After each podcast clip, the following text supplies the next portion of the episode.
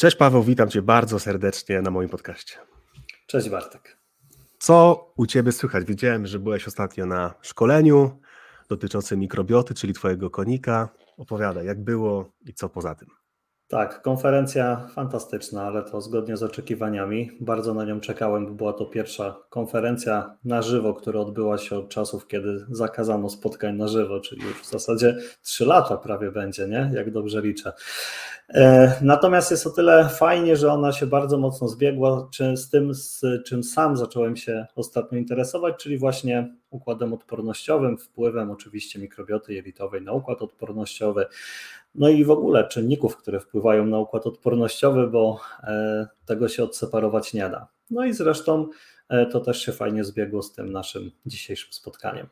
Także sama konferencja super, polecam. E, generalnie, jeśli no, już o niej mówimy, to autorem konferencji i prelegentem był Oskar Kaczmarek z Instytutu Medycyny Zapobiegawczej. Bardzo polecam z całego serca ze swojej strony zrobimy Oscarowi reklama, co? Jasne.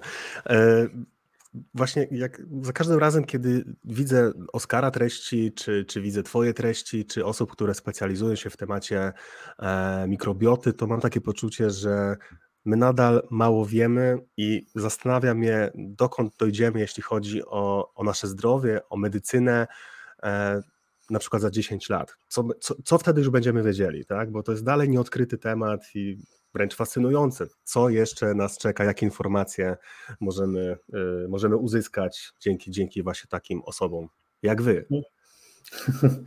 No, ja chyba jeszcze do tego szczytnego grona osób bym się na pewno nie zaliczył. Jestem raczej tym pobierającym wiedzę i starającym się ją propagować. Natomiast e, faktycznie, realnie mikrobiota jelitowa i to na ile obszarów, na jakie obszary, w jaki sposób ona w ogóle wpływa, jak możemy ją modulować, czy w ogóle możemy ją modulować w jakikolwiek sposób, e, to jest coś, co mm, tak naprawdę ostatnie 10 lat, może troszkę dłużej, ale powiedzmy tak naprawdę chyba ostatnie kilka lat, może 5 5 e, gdzieś tam zaczyna się bardziej przebijać w nauce w ogóle w coraz więcej czasopism medycznych, naukowych e, publikuje dane na ten temat. Są zresztą nawet e, całe profile, osobne jakby gałęzie wielkich właśnie czasopism naukowych, które stricte już zajmują się mikrobiotą jelitową. I fajnie, niech ten temat się rozwija, bo myślę, że na podstawie tego, co już wiem i właśnie też tego, czego nie wiem, a wiem, że dowiedzieć się można, no to potencjał jest nie do opisania jak bardzo jest wysoki. E, trudno określić właśnie, co dokładnie nas czeka w przyszłości, za 10, za te 20 czy nawet więcej lat, jak bardzo ta wiedza nam się przyda, no ale to, co już wiemy, to po pierwsze pozwala nam skutecznie działać w różnych obszarach, a po drugie właśnie powoduje, że mamy taką świadomość, że jest ogromne pole do popisu, bo wiemy prawie tyle co nic. Mhm. No wiesz, może za 10 lat y, odpowiesz mi na pytanie, czy łysienie związane jest tylko i wyłącznie z genetyką, bo być może się okaże, że jelita też tutaj będą miały kolosalne znaczenie. A właśnie Bartek, a propos, e, na konferencji tutaj właśnie gdzieś tam e, pomyślałem e, o tobie, był omawiany przypadek, nie z Polski, ale gdzieś tam zdaje się z Chin, pacjenta, który mm, e, łysiał, który miał e, zmienioną pigmentację włosa, czyli siwiał po prostu. Do tego oczywiście masa dolegliwości ze strony układu pokarmowego przewlekle. No i okazało się, że u tegoż pana jakieś tam znaczące mm, spadki odporności przy okazji występowały. Jak mu zaczęto właśnie reperować w cudzysłowie ten organizm, no to skutkiem ubocznym było to, że panu zaczęły odrastać piękne czarne włosy. I to w bardzo krótkim e, przedziale czasu, bo były zdjęcia porównawcze e, chyba e, jakoś dwa i później jeszcze sześć miesięcy, no to po prostu nie była ziemia.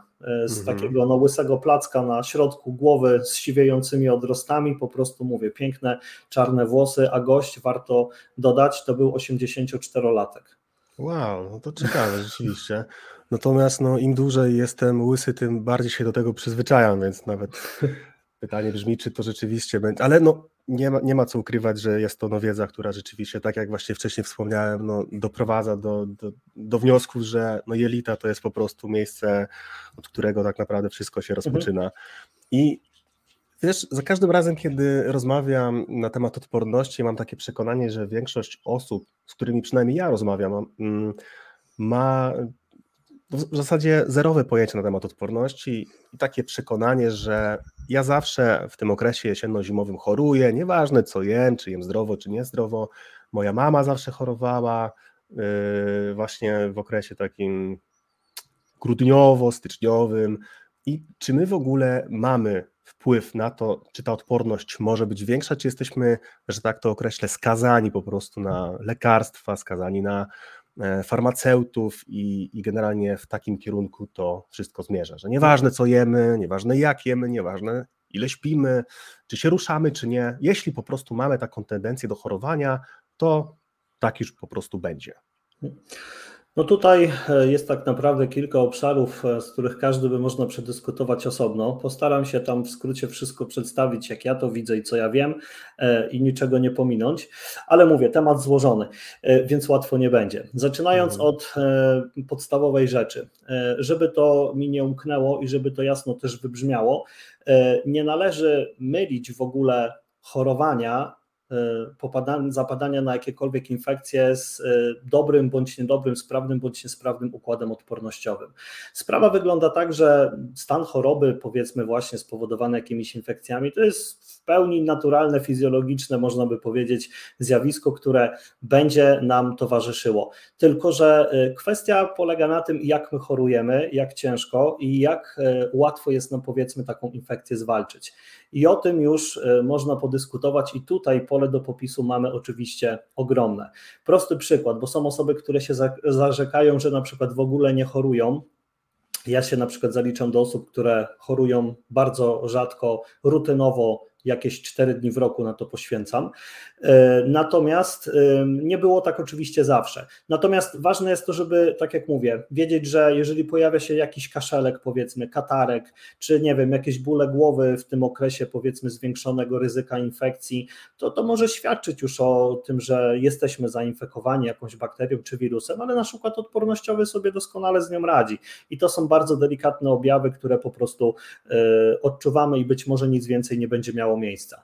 Ale jeżeli chorujemy y, na takiej zasadzie, że naprawdę nas po prostu łamie, musimy poleżeć w łóżku, ledwo się jesteśmy w stanie zebrać do lekarza, musimy za każdym razem naszprycować się y, jakimiś lekami przeciwwirusowymi czy antybiotykami w ogóle ledwo dochodzimy do siebie i to po dłuższym okresie, no to w tej sytuacji raczej ten układ odpornościowy najmocniejszy nie jest. W kwestii e, aspektów, które wymieniłeś, właśnie żywienia, snu, e, czy regeneracji, czy no jeszcze tam tych czynników byłoby pewnie więcej, jeszcze ja bym sobie drugie tyle pewnie był w stanie tutaj dołożyć. E, nie chcę się rozgadywać za nadto, bo każdy z tych elementów tak naprawdę można by było omówić przez godzinę albo i dłużej. Natomiast ważne jest to, żeby mieć świadomość, że jak najbardziej e, możemy na to wpłynąć. Taką pierwszą podstawową rzeczą, którą e, oczywiście warto zrobić, to jest odpowiednio zbilansowane żywienie w kwestii odporności. I co jest jeszcze bardzo istotne, odporność to my powinniśmy budować i z takim przeświadczeniem żyć cały czas. To nie jest tak, że pojawia się okres zwiększonego zachorowania, to my dopiero wtedy zaczynamy myśleć, jak tu poprawić sobie swoją odporność tylko powinniśmy o tym myśleć każdego dnia w zasadzie, dokonując takich, a nie innych wyborów żywieniowych i dbając o, w taki, a nie inny sposób o siebie. Wtedy tak naprawdę, kiedy pojawia się ten sezon infekcyjny, to jest można powiedzieć e, egzamin, sprawdzian dla naszego układu odpornościowego i naszego organizmu. jeżeli my wtedy, tak samo jak przed egzaminem, chcemy na dzień przed, e, powiedzmy, E, zaliczyć materiał z całego roku, tudzież liczymy po prostu na jakieś ściągi, e, no to wiadomo, że nie jest to, e, nie jest to raczej skazane na powodzenie, tylko, tylko na jakieś takie no bardziej powiedzmy porażkowe zakończenie. No i tak to, tak to wygląda. Kwestie żywienia, nie wiem czy teraz w ogóle jakoś tam e, bardziej szczegółowo roztrząsać, czy my sobie o tym jakoś tam pogadamy jeszcze później. E, jak ty myślisz Bartek, bo to... E, mhm. To znaczy, no, ja uważam, że jeśli już rozpocząłeś ten temat, to żeby nam nie umknęło, to, to, to no. fajnie, żebyś to rozwinął. Co to znaczy właśnie jeść w takim, w taki, e, co to znaczy jeść e, nawet nie zdrowo, tylko w taki sposób, żeby również to wpływało na naszą odporność. Czy to będzie miało mhm. połączenie ze sobą, no bo, bo wiesz, w dzisiejszych czasach jeść zdrowo to też jest temat rzeka. Jedni będą twierdzić, tak. że e, pszenica jest B, inni będą twierdzić, że z kolei jest spoko, tak? I, i, i chciałbym, żebyś właśnie mhm. też tutaj, jeśli, jeśli możesz, rozwinął ten Jasne. Temat. E, no to tak, zaczynając e, znowuż tam od jakiegoś punktu wyjścia, trzeba zdać sobie sprawę z tego, że układ odpornościowy to jest bardzo, bardzo, bardzo skomplikowany e, tak naprawdę układ, po prostu. Bierze w nim udział mnóstwo organów, tak naprawdę no, wiele różnych związków, e, powiedzmy chemicznych, biochemicznych, mnóstwo reakcji, mnóstwo komórek, e, mnóstwo miejsc jest zaangażowanych w budowanie naszej odporności. O każde z tych miejsc trzeba by tak naprawdę było zadbać, powiedzmy, na swój sposób z osobna. Jeżeli my chcemy kompleksowo myśleć o takim żywieniu dla odporności, to ono tak samo powinno być po prostu bardzo mocno kompleksowe.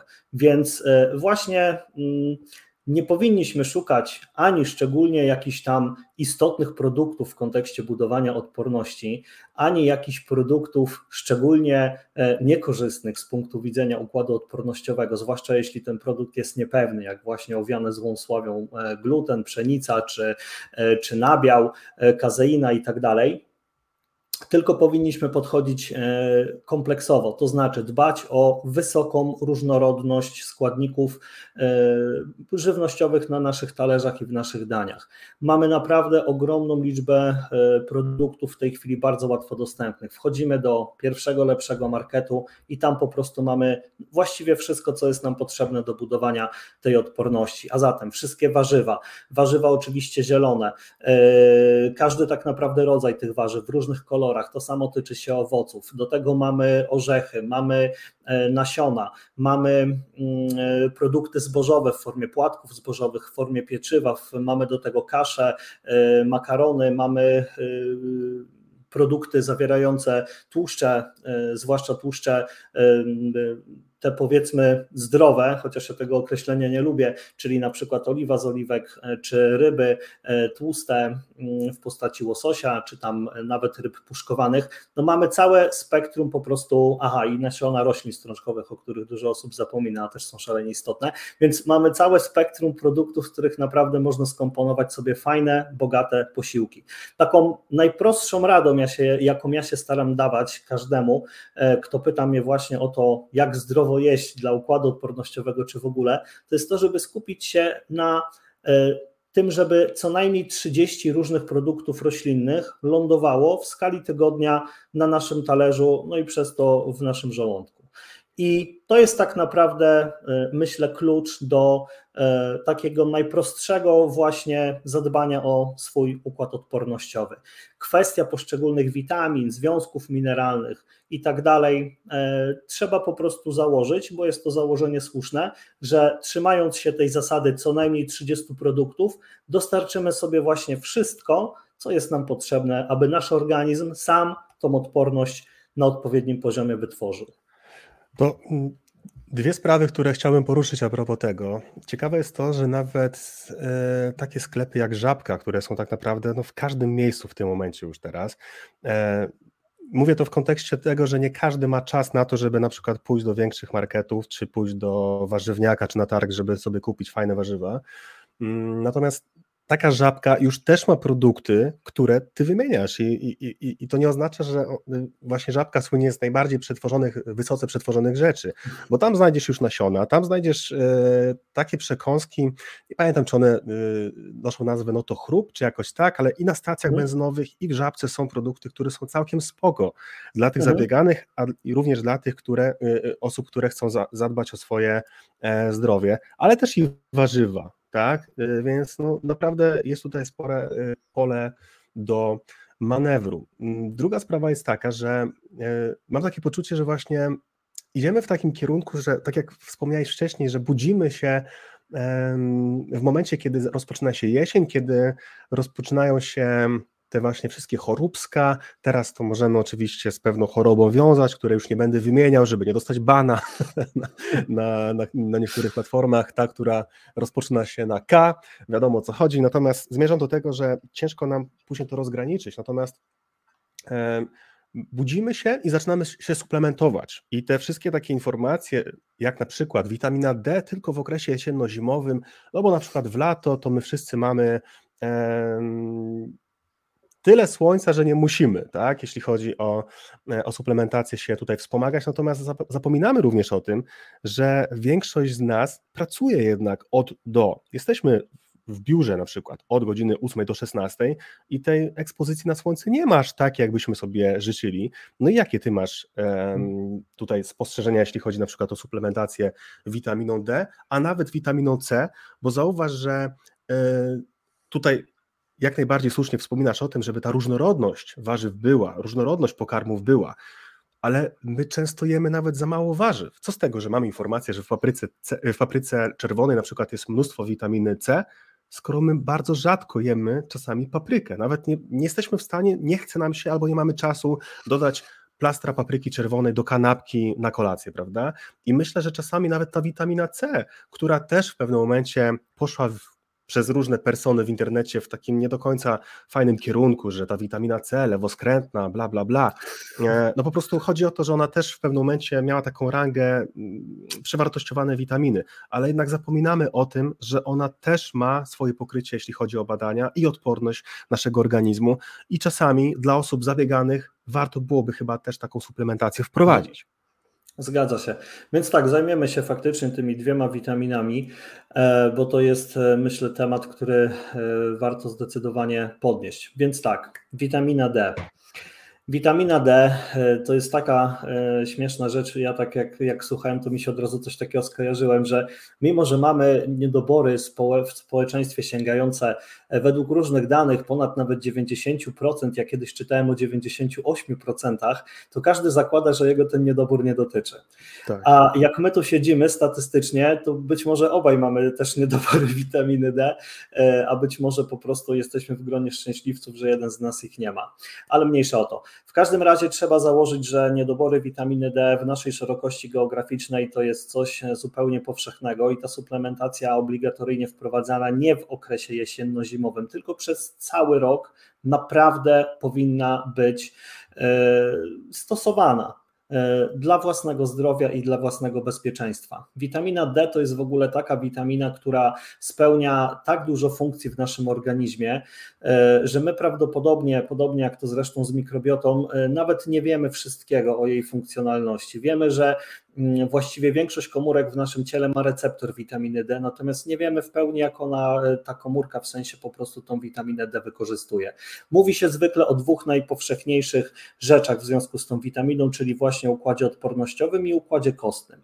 I e, oba te argumenty są już moim zdaniem dostatecznie zasadne, natomiast e, Gwarantuję, że nikt z Was nie chce mieć klinicznych, że tak powiem, hipowitaminos związanych z witaminą D. Ja pracowałem kiedyś z osobą, która takową miała.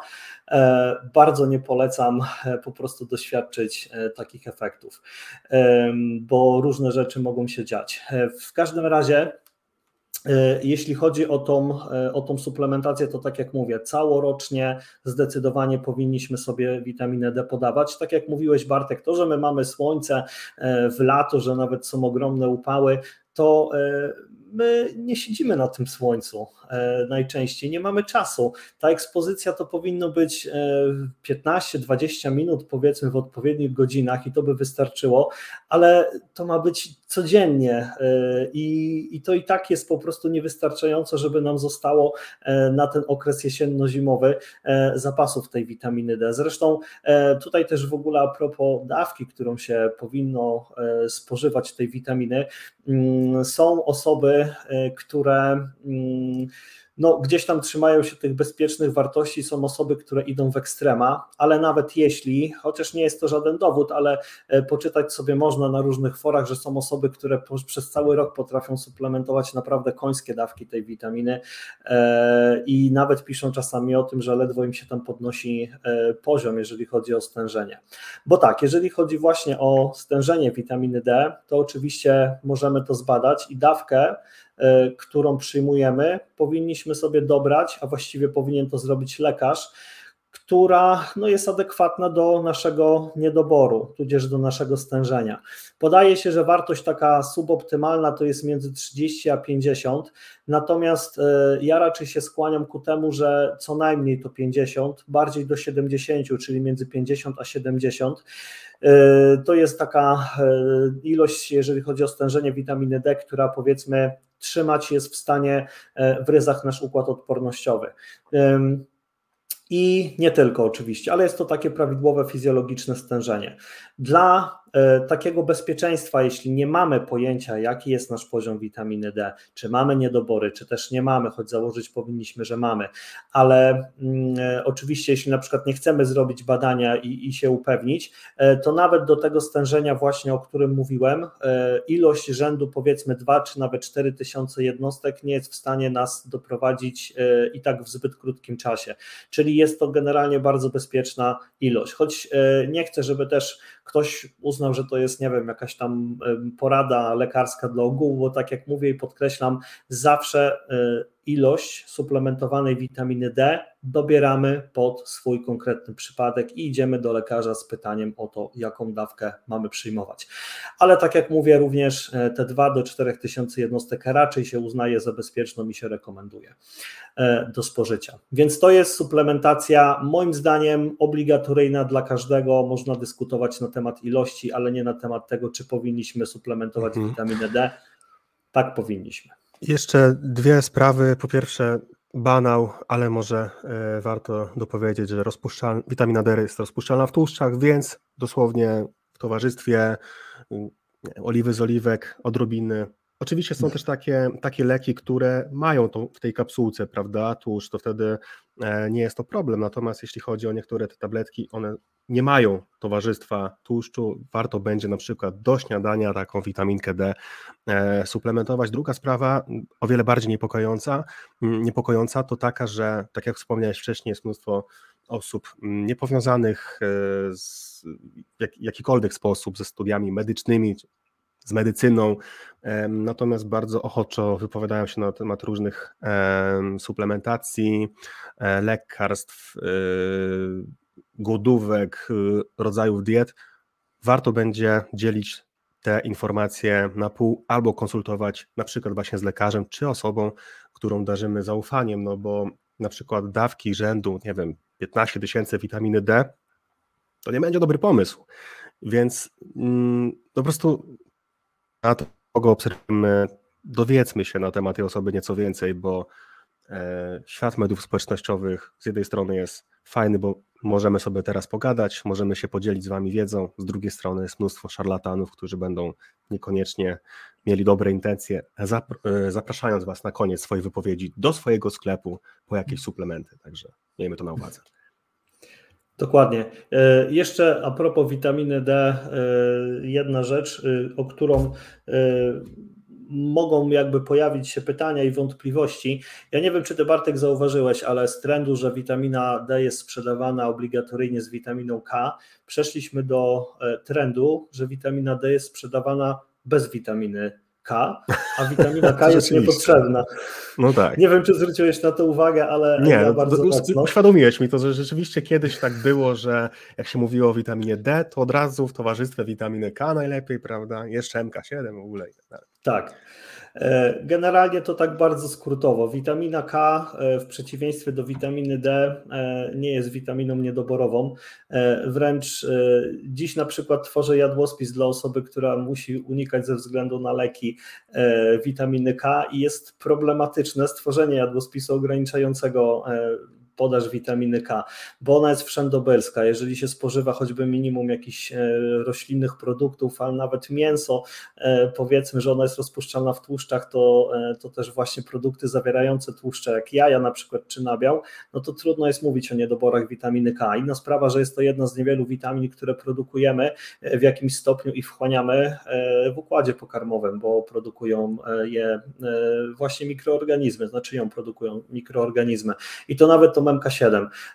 sławną. Więc raczej niekoniecznie. Jest mała szansa, że mamy niedobory witaminy K, nawet średnio dobrze bilansując sobie dietę. I co? Myślę, że chyba tyle, jeśli chodzi o witaminę D. Jeśli byś tam miał jakieś pytania z strony słuchaczy czy, czy widzów, to podyskutujemy sobie jeszcze innym razem Jasne. na ten temat. Mhm. Natomiast witamina C to jest dla mnie też e, niesamowity specyfik, bo ludzie po prostu e, no wręcz nie wyobrażają sobie, mam wrażenie, czasami leczenia jakiejkolwiek infekcji bez podawania witaminy C. No i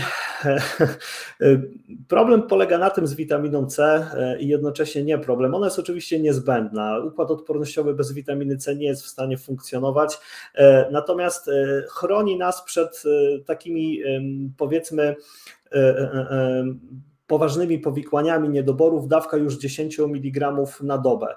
E, więc to jest naprawdę no nie wiem, tygodniami by trzeba nie jeść po prostu nic zawierającego witaminę C, żeby móc do takich klinicznych e, objawów niedoborów sobie doprowadzić. Witamina C e, przez jakiś czas jest w stanie się magazynować w naszym organizmie, ale przez bardzo krótko i według danych tak naprawdę spożycie nawet już 100 mg tej witaminy C dziennie zapewnia nam jej maksymalne stężenie e, w osoczu, więc mamy po prostu full e, organizm wypełniony, wysycony tą witaminą C.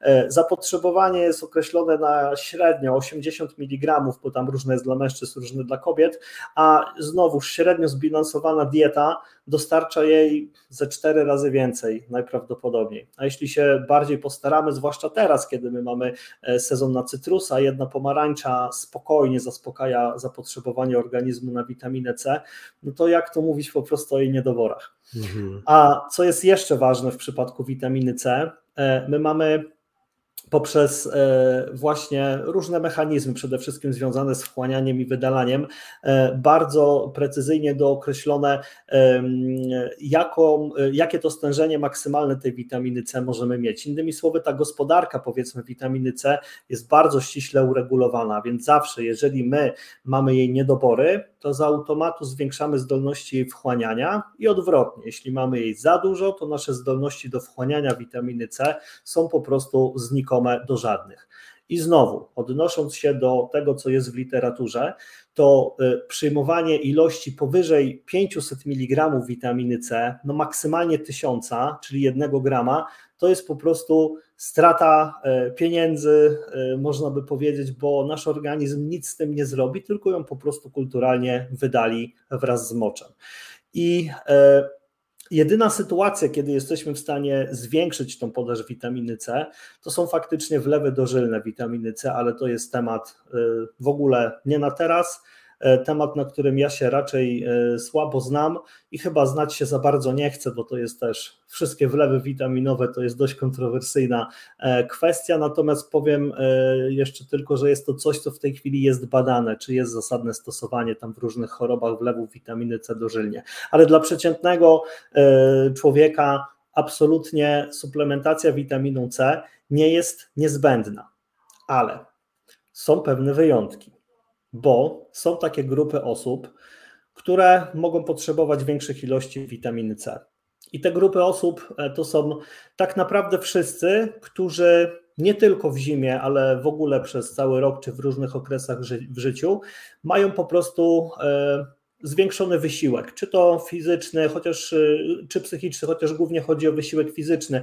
Y, były takie też prace na przykład y, na armiach w różnych krajach robione, czy na jakichś służbach mundurowych powiedzmy, czy nawet osoby, które po prostu naprawdę ciężko zapieprzają fizycznie, też mogą potrzebować zwiększonych ilości witaminy C. Do tego Dochodzą jeszcze choćby palacze, gdzie na przykład w Stanach jest zalecane, zalecane zwiększone, yy, znaczy jest podane zwiększone zapotrzebowanie dla tej grupy, yy, czy osoby z jakimiś e, chorobami zapalnymi, powiedzmy przewlekłymi, jak na przykład osoby z cukrzycą, gdzie tak jest to też choroba zapalna ogólnoustrojowa, a no do tego cała tak naprawdę grupa osób właśnie mających jakieś choroby zapalne, to tam faktycznie ta ilość jest potrzebna większa. Natomiast znowu pojawia się pytanie, czy na tyle duża, żebyśmy potrzebowali suplementacji.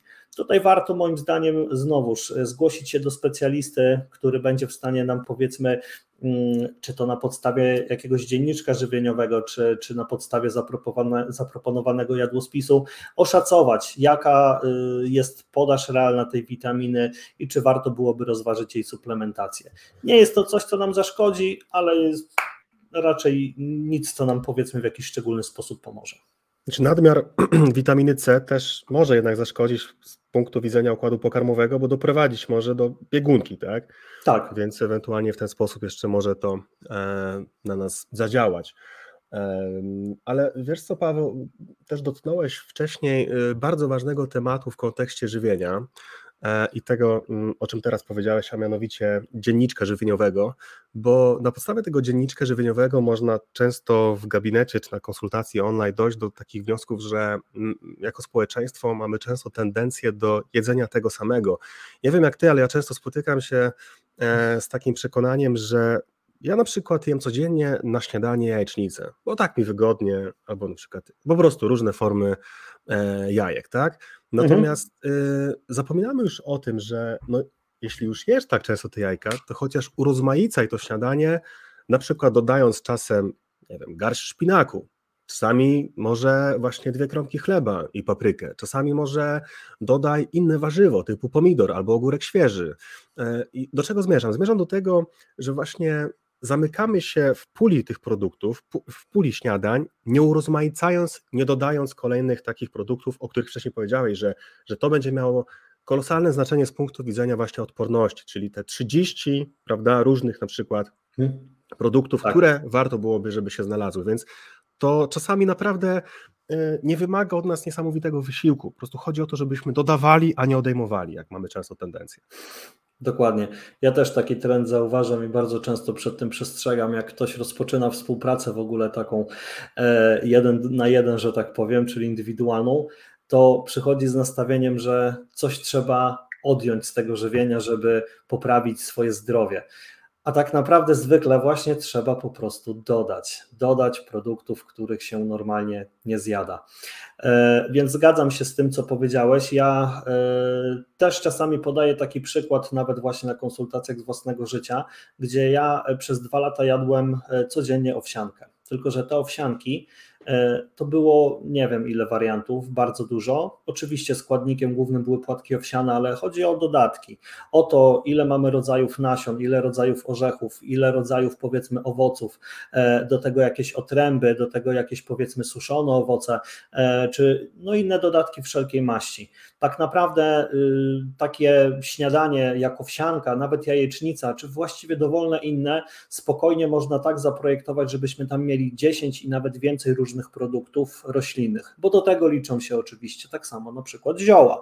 Jak sobie dosypiemy, nie wiem, trochę pieprzu, powiedzmy jakiegoś e, oregano, bazylii e, czy tymianku, to mamy już cztery tak naprawdę produkty roślinne, bo tutaj mówimy, i to też myślę, że warto podkreślić, o jakości, czyli o tym, czy dany produkt się pojawi, czy też nie, a nie, że to muszą być jakieś nie wiadomo jak duże ilości. I moim zdaniem e, z perspektywy zdrowia, układu odpornościowego, bo te rzeczy trudno oddzielić, lepszym byłoby na przykład, e, jeżeli mamy do dyspozycji pół kilo warzyw na dzień, to tak pomieszać te warzywa, żeby było te pół kilo powiedzmy, czy warzyw i owoców, e, jako nie wiem, no 20 różnych w mniejszych ilościach niż zjeść powiedzmy, nie wiem, e, pół kilo e, samego brokuła powiedzmy rozłożone na trzy posiłki, gdzie też niby spełnimy tą normę, pół kilograma, nie? Ale z różnych źródeł będzie to dużo lepsze. Mhm. Paweł, zostając w temacie żywienia, powiedz proszę, bo wspomniałeś o przyprawach czy są przyprawy, które bezpośrednio będą wpływać na naszą odporność? E, tutaj generalnie, e, no, po części na początku powiedziałem, że zawsze chodzi o e, duże urozmaicenie i to też no, można jak najbardziej odnieść do, do samych przypraw czy ziół. Są takie, którym się przypisuje jakieś szczególne właściwości w kwestii choćby regulacji czy, czy zmniejszenia powiedzmy nasi, zapalenia ogólnoustrojowego, tak jak na przykład kurkuma czy imbir i tak dalej, czy na przykład czosnek czy, czy tymianek, e, oregano, e, czy cynamon. Ale e, tutaj znowu, jeżeli chodzi o przełożenie jakiegoś jednego, konkretnego produktu, że on jest ewidentnie lepszy i ten powinniśmy dodawać, to tak to nie zadziała. E, nie da się powiedzmy, nie wiem, jak mamy y, tonący okręt, zatkać y, jednej dziurki powiedzmy jakimś nawet bardzo dobrym klinem i liczyć, że ten okręt nam nie zatonie, tylko musimy po prostu połatać sobie e, wszystkie niedoskonałości w naszym jedzeniu. Przy czym warto też powiedzieć, że naprawdę trzeba się przyłożyć tylko do tej różnorodności a konkretne jakieś produkty e, oczywiście warto włączyć, jeżeli wiemy i słyszymy gdzieś, że to jest produkt korzystny dla zdrowia, a jest to produkt roślinny, to możecie w ciemno założyć, że tak, nawet jeśli tam nie będzie e, realnie takich magicznych właściwości, jak ktoś to podał, bo czasami, e, i myślę, że jeszcze o tym pogadamy, takie cudowne opinie o czymś dotyczą na przykład, nawet jeśli są zgodne z badaniami, dotyczą ekstraktu z jakiegoś produktu, a nie tego produktu jako całości, E, trochę lepiej to chyba rozwiniemy, żeby było jasne o co mi chodzi, e, ale jeśli, e, jeśli powiedzmy my chcemy takim jakimś jednym konkretnym produktem poprawić swoją odporność, to to się raczej niestety nie uda. Ale jest ich mnóstwo, ale tak jak mówię, to można by powiedzieć o każdym jednym produkcie, bo jakby poszukać, to myślę, że o każdym jednym można by było znaleźć jakieś informacje, nawet w kontekście badań, że może on poprawiać po prostu odporność bo mhm. zawsze trzeba się zastanowić, w porównaniu do czego porównujemy, powiedzmy, skuteczność działania czegoś. Mhm. Czyli co, na przykład y, wyczytałem w internecie, mm, scrollując Facebook, że oto nagle kurkumina jest magicznym środkiem, który wzmocni moją odporność. E, czy to zadziała, czy nie zadziała? Jeśli chodzi o kurkuminę jako składnik kurkumy, którą widzę w sklepie, czy mam w ten sposób zadziałać, czy raczej jednak zamówić suplement diety? Jak mam to zrobić? Mhm. Jakie ty masz w, y, w tym przypadku e, sugestie? Mhm. E, no, generalnie e, jeżeli chodzi o samą kurkuminę, jako taki przykład reprezentatywny nawet, to faktycznie mowa tutaj jest o konkretnym związku aktywnym, który wiemy, że jeszcze potrzebuje innego związku aktywnego, żeby faktycznie pokazać pazurki e, w no, kwestii swoich zdolności, konkretnie piperyny, bo wtedy wiemy, że się po prostu ta kurkumina naprawdę e, bardzo dobrze e, wchłania i działa.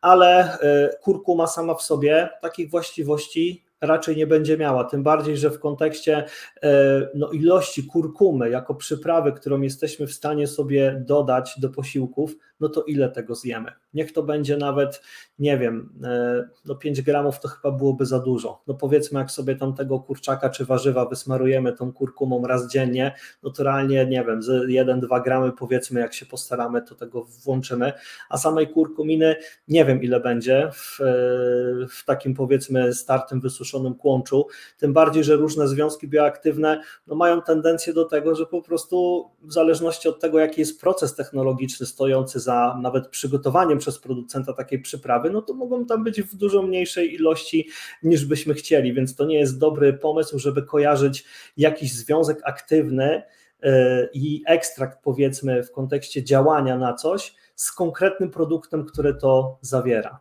Mhm. Co nie znaczy, że odradzam oczywiście stosowanie kurkumy jako przyprawy, bo ona jest fantastyczna, o ile się lubi jej smak, chociaż niesamowicie wręcz brudzi e, wszystko, ale jest to jeden z barwników e, stosowanych e, w przemyśle spożywczym i nie tylko. I oczywiście warto sobie te zioła tak samo dodawać. Nawet pomijając, tak jak mówię, te związki bioaktywne, takie jak właśnie kurkumina, to tam zawsze znajdziemy włókna pokarmowe. A włókna pokarmowe w kontekście e, budowania odporności są jak najbardziej nie tyle korzystne, co potrzebne, niezbędne, bo włókna pokarmowe to jest nic innego jak pożywka dla mikroorganizmów, które w zamian za to, że je zjedzą, produkują różne fajne związki, które zapewniają nam właśnie budowanie silnego, zdrowego, odpornego organizmu.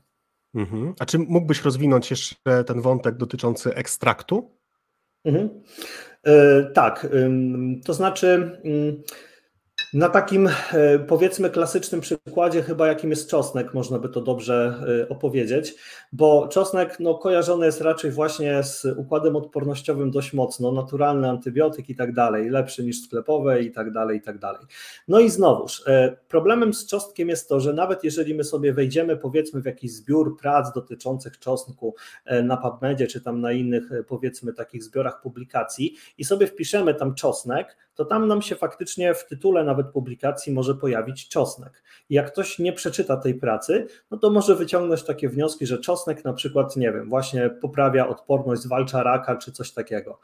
Ale jak się wczytamy w treść artykułu, to się okaże, że tam podawano allicynę, czyli związek aktywny występujący w czosnku w jakiejś tam konkretnej dawce, która naturalnie nie występuje w ilości, nie wiem, w jednym ząbku, tylko musielibyśmy tych ząbków zjeść nie wiadomo ile, a nadmiar z kolei samego czosnku, który nie tylko zawiera allicynę, bo zawiera też na przykład łatwo fermentujące cukry, mógłby nas po prostu doprowadzić do sytuacji, żebyśmy e, albo stracili kontakty społeczne poprzez wyziew, który byśmy po prostu mieli po tej ilości, albo byśmy nie zeszli, mówiąc kolokwialnie, z kibla. Więc y, nie o to chodzi, żeby po prostu czytając o czosnku, o kurkumie czy o imbirze, y, nagle ładować w siebie jakieś ogromne ilości, bo to nie jest tylko i wyłącznie ten związek. Tylko w tym przypadku akurat suplementacja konkretnym związkiem aktywnym jak najbardziej może być e, dobrym pomysłem. Przy czym też nie stosujemy suplementacji tego typu w ciemno, nie łączymy po prostu dziesiątek różnych produktów na odporność serio, E, tutaj e, warto jednak się zawsze skonsultować e, ze specjalistą. Pogadajcie z lekarzem, pogadajcie, nie wiem, z jakimś kompetentnym dietetykiem, żywieniowcem, tak jak Bartek mówił, z osobą, której ufacie, ale nie ufacie, bo jest dobrym kumplem, tylko ufacie, bo jest po prostu kompetentna w tym temacie i umie to jakby udowodnić. Żeby po prostu w, w najlepszym wypadku nie wydrenować sobie zanadto portfela, w najgorszym e, nie e, skończyć po prostu z jakimiś e, naprawdę niesympatycznymi dolegliwościami, bo można poczytać o przypadkach, że ludzie nawet się o śmierć ocierają z powodu przesadzonej suplementacji, która kompletnie po prostu była oderwana od czapy. A jeszcze chciałem Cię, Paweł, zapytać, jeśli chodzi o czosnek mm, i o, o, ten wyziew, bo też w sklepach można znaleźć czosnek marynowany, który jednak tutaj niweluje ten problem e, nieprzyjemnego zapachu. Czy ten marynowany mhm. czosnek ma również ewentualne jakieś minimalne korzyści z punktu widzenia naszej odporności, czy, mhm. czy tutaj ta, ten sposób podania czosnku już e, wyklucza jego, jego prozdrowotne korzyści. Mhm. E, to znaczy tak, raczej e, spodziewałbym się, że jeżeli chodzi o zawartość samej alicyny, powiem szczerze, nie widziałem badań na ten temat porównujących, czy tam jakichś opracowań, ale e, biorąc pod uwagę, że sama alicyna to jest związek, który się uwalnia dopiero w momencie, kiedy my mechanicznie miażdżymy, niszczymy ząbek czosnku, bo tak to jest powiedzmy w tym czosnku w formie nieaktywnej, no to przypuszczalnie, jeżeli tam nikt nikt e, z tym ząbkiem, nic z tym ząbkiem nikt nie zrobił, a marynuje się zawsze całe ząbki, to prawdopodobnie e, efekty e, byłyby podobne i ta zawartość byłaby podobna tej alicyny jako takiej. Natomiast na pewno trzeba się spodziewać, że te związki, które chętnie przechodzą do wody na przykład, czy do innych powiedzmy roztworów, no to będą w zmniejszonej ilości, jeżeli my tą wodę powiedzmy, w której się to marynowało, czy tam olej e, wylejemy powiedzmy e, do zlewu. E, chyba w oleju się marynuje czosnek, nie? Ja szczerze mówiąc nie mhm, zjadam. Tak. No więc y, raczej, raczej jestem fanem świeżego, tak zacząłem mówić o tej wodzie, ale to chyba jednak y, powinno dotyczyć oleju. W każdym razie, y, w każdym razie na pewno jakieś tam straty będą, nie będzie to to samo co świeże, ale jak najbardziej uważam, że marynowane rzeczy są w porządku i, i można, można spożywać. W kontekście zawartości, jak mówię, podejrzewam, że będzie to wyglądało dość podobnie. Mhm. No to, co y, jako kolejne przychodzi mi do głowy w kontekście odporności, w kontekście właśnie tych jesiennych wieczorów, no to miód, mm, różne jego rodzaje i sposób podawania. No często jest tak, że kiedy wracamy z pracy czy ze spaceru wyziębieni, to mamy e, ochotę na taką herbatkę z miodem, która rozgrzeje nas i doprowadzi do tej odpowiedniej temperatury. Jakie masz zdanie na temat miodu i czy miód to rzeczywiście dobry pomysł, jeśli chodzi o wzmocnienie naszej odporności? Mhm. E, z miodem to jest bardzo ciekawa e, też sytuacja, bo e, są bardzo skrajne opinie na jego temat i to nawet w świecie nauki. Od po prostu chwalących go pod niebiosa za działanie na wszystko, po takie, że jest to bezwartościowy produkt, bo jest to cukier z zawartością minimalną związków mineralnych, E, tak jak to z solą himalajską, że po prostu no realnie to, to, to, są, to jest żadne źródło niczego.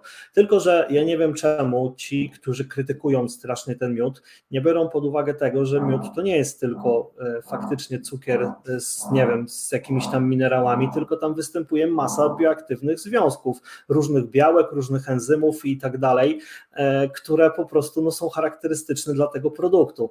Badań dotyczących miodu w kontekście różnych dolegliwości jest trochę. E, nawet jako ciekawostkę podam, że są całkiem sensowne i solidne prace, które mówią, że osoby z cukrzycą typu drugiego mogą odnieść korzyści w regulacji glikemii po spożyciu miodu, co wydaje się być może absurdalne, no bo jak to coś, co zawiera głównie cukier, reguluje poziom glukozy poposiłkowej. A tu proszę, e, nie samym, że tak powiem, tym takim bazowym składem dany produkt stoi i miód jest tego doskonałym przykładem. Tylko, że właśnie, znowu, w zamian e, za to, że mamy tam takie dobrodziejstwo, e, no to jak czegoś jest dużo i są to właśnie takie rzeczy jak związki białkowe, które mają tendencję do niszczenia w za wysokiej temperaturze, to miód nie jest wyjątkiem.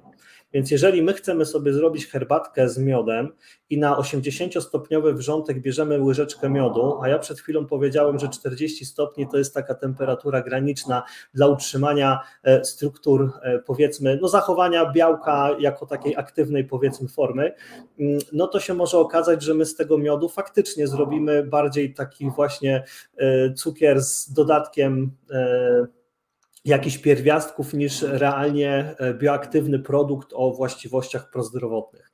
Więc to na pewno trzeba wziąć pod uwagę. E, więc e, tak chyba reasumując temat miodu, można by powiedzieć, jak najbardziej na temat miodu, jak mówię, jest bardzo dużo prac, które świadczą o tym, że on jest korzystny dla zdrowia w kontekście nowotworów, cukrzycy, budowania odporności. E, natomiast e, trudno jest powiedzieć, jakie ilości są tak naprawdę zasadne.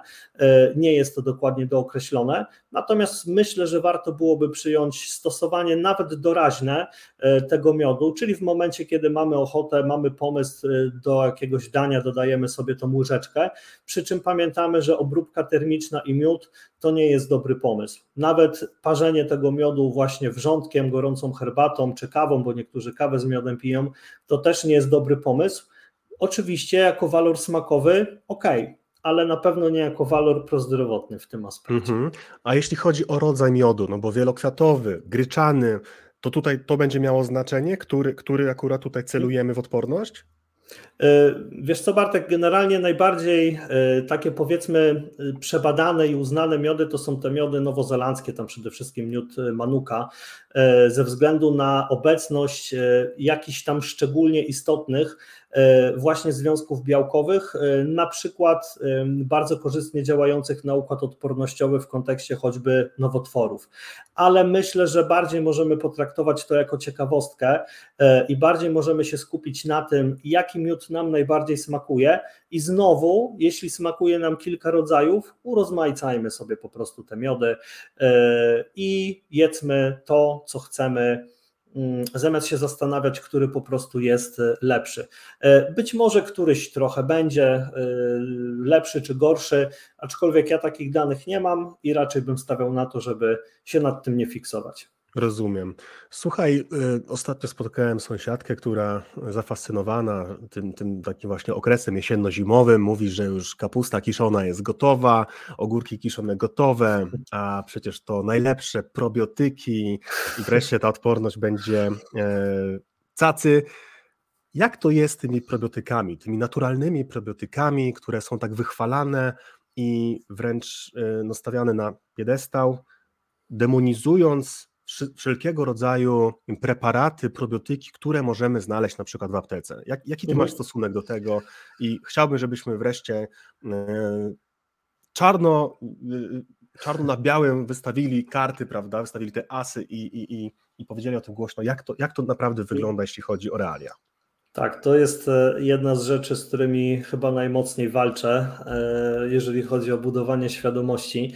Otóż w wielkim uproszczeniu i skrócie na samym początku, wszystkie probiotyki są naturalne, ponieważ probiotyk jest wyizolowany z żywności fermentowanej, rzadziej, częściej z układu pokarmowego zdrowego człowieka. To jest pierwsza kwestia.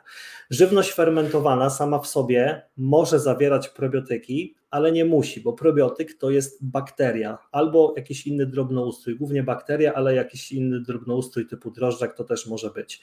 I mając tą wiedzę, możemy założyć, że w takim razie ta kiszona kapusta czy ogórek, e, no te probiotyki będzie zawierać, ale jakie, jakie ilości, czy na pewno, tego już po prostu nie wiemy i wiedzieć nie będziemy. Natomiast nie ma co oczywiście znowu e, w jakieś e, drugie powiedzmy skrajności, bo ja często jak ten temat podejmuję, to jestem odbierana jako jakiś e, antyfan powiedzmy żywności fermentowanej. Zupełnie nie. Żywność fermentowana jest świetna, głównie dlatego, że właśnie została sfermentowana przez bakterie kwasu mlekowego czy tam inne. A bakterie jak fermentują, o tym żeśmy mówili sobie wcześniej, to wytwarzają różne związki, tak zwane swoje metabolity. I właśnie dzięki tym związkom żywność fermentowana jest absolutnie fantastyczna i działa bardzo prozdrowotnie, ale to nie jest probiotyk, naturalny probiotyk, czy jak go zwał. To jest po prostu żywność fermentowana i nie ma innej nazwy. Może zawierać probiotyki, ale nie musi. Na pewno zawiera bakterie, na pewno jest fermentowana, na pewno zawiera postbiotyki, czyli produkty właśnie e, metabolizmu bakterii. E, ale nie zastąpi na pewno preparatów e, aptecznych, tak zwanych, które się od razu kojarzą źle, bo nienaturalne, bo w proszku. Tam są żywe drobnoustroje. Jeżeli mamy mówić o probiotyku jako o probiotyku, to tam musi być e, faktycznie żywy drobnoustrój, który mało tego musi być w takiej ilości, jak jest podane na opakowaniu, do samego końca daty przydatności do spożycia. A mówię, po nie wiem, miesiącu e, od otwarcia słoika z kiszonymi ogórkami, my nie mamy pojęcia, jak to środowisko mikrobiotyczne tam wygląda. E, nie, już pomijając kwestię, czy, czy są tam e, dobre, czy niedobre bakterie, to nie wiemy po prostu kompletnie, co tam jest i jak to wpłynie na nasz organizm. Są takie osoby, które na przykład kompletnie nie mogą żywności fermentowanej spożywać, bo mają bądź bardzo złe samopoczucie, a z kolei na przykład e, przy stosowaniu probiotyków e, bardzo dobrze się czują. Mało tego, poprawia im się tolerancja i zdolności w ogóle trawienne do tego stopnia, że ta żywność fermentowana po jakimś czasie e, jest ok, nic im nie robi. Więc tak, reasumując, to jest temat, który mi jest trudno opisywać zwięźle w ogóle, ale się zawsze bardzo staram kiszone ogórki, kapusty i cała żywność fermentowana, bo to też fermentowany nabiał, czy bardziej tam gdzieś powiedzmy e, orientalnie kimchi, kombucha i e, inne rzeczy, to jest absolutnie fantastyczna, super funkcjonalna, super prozdrowotna żywność i jeżeli tylko się ją lubi, bardzo, bardzo polecam. Oczywiście ten okres jesienno-zimowy, kiedy my to zwyczajowo w Polsce i nie tylko spożywamy, super, E, ale pamiętajmy, że przez cały rok jak najbardziej te produkty są spoko. Jedzmy to i na pewno wyjdzie to z korzyścią dla zdrowia, ale nie mówmy i nie mylmy tego z probiotykami, bo to jest krzywdzące bardzo mocne, bardzo mocno dla probiotyków i zabiera, zabija, że tak powiem, ich potencjał. E, mam wrażenie w takim lecznictwie, gdzie ludzie naprawdę potrzebują konkretnych probiotyków, konkretnych szczepów, konkretnych drobnoustrojów, a myślą, że załatwią sprawę jedząc fermentowaną żywność. Mało tego, że załatwią tą sprawę lepiej, a to jest bardzo złudne i nieprawdziwe i dalekie niestety od e, prawdy w ogóle. I teraz wyobraźmy sobie, że w tym momencie mm, robię pauzę, jeśli chodzi o podcast i chcę wzmocnić, wzmocnić swoją odporność. E, no i jestem zdecydowany żeby kupić jakiś probiotyk. Teraz co mam zrobić? Jaki szczep? Jak do tego y, podejść? Y, jak, jakie, jakie szczepy polecasz, y, które będą właśnie kierowane w kontekście mhm. odporności? E, z probiotykami to jest tak, że e, tak jak powiedziałem, z definicji w zasadzie tam opracowanej niedawno całkiem w sumie, wynika jasno, że one mają być bardzo dobrze scharakteryzowane, to znaczy mamy wiedzieć, co one robią. I e, z tego co wiemy, to działanie tak naprawdę każdego probiotyku może być nieco inne i ukierunkowane na no, pewne specyficzne rzeczy. W związku z tym y, trudno jest podać, nawet w kontekście y, powiedzmy teoretycznie prostego tematu, jakim jest, jaki probiotyk jest najlepszy na odporność, jaki właściwie faktycznie ten probiotyk można zarekomendować. Y, też powiedziałem wcześniej, że układ odpornościowy to jest bardzo skomplikowana, złożona maszyneria, więc y, to można by powiedzieć, zależy, y, co się po prostu popsuło. To znaczy, jak idziemy do mechanika i chcemy naprawić samochód, to nie przynosimy, nie wiem, worka losowych części, mając nadzieję, że zadziała, tylko po prostu jest diagnoza, ktoś nam ten samochód sprawdza, mówi, co jest nam potrzebne, my to kupujemy, dowozimy, mechanik naprawia, mamy naprawiony samochód. No to mniej więcej można e, powiedzieć, że wygląda to podobnie. Są pewne oczywiście probiotyki, które są lepiej przebadane, bo jeżeli coś działa świetnie, to nauka po prostu chce wiedzieć na ten temat jak najwięcej, więc coraz to po prostu e, inne tak naprawdę, czy to grupy, czy dolegliwości są brane pod uwagę. W związku z tym o niektórych probiotykach wiemy więcej, że są powiedzmy może E, nawet nie tyle e, bezpieczniejsze, e, tyle bardziej uniwersalne, co bezpieczniejsze właśnie przy różnych dolegliwościach i dla różnych grup, nawet dla dzieci od pierwszego dnia życia.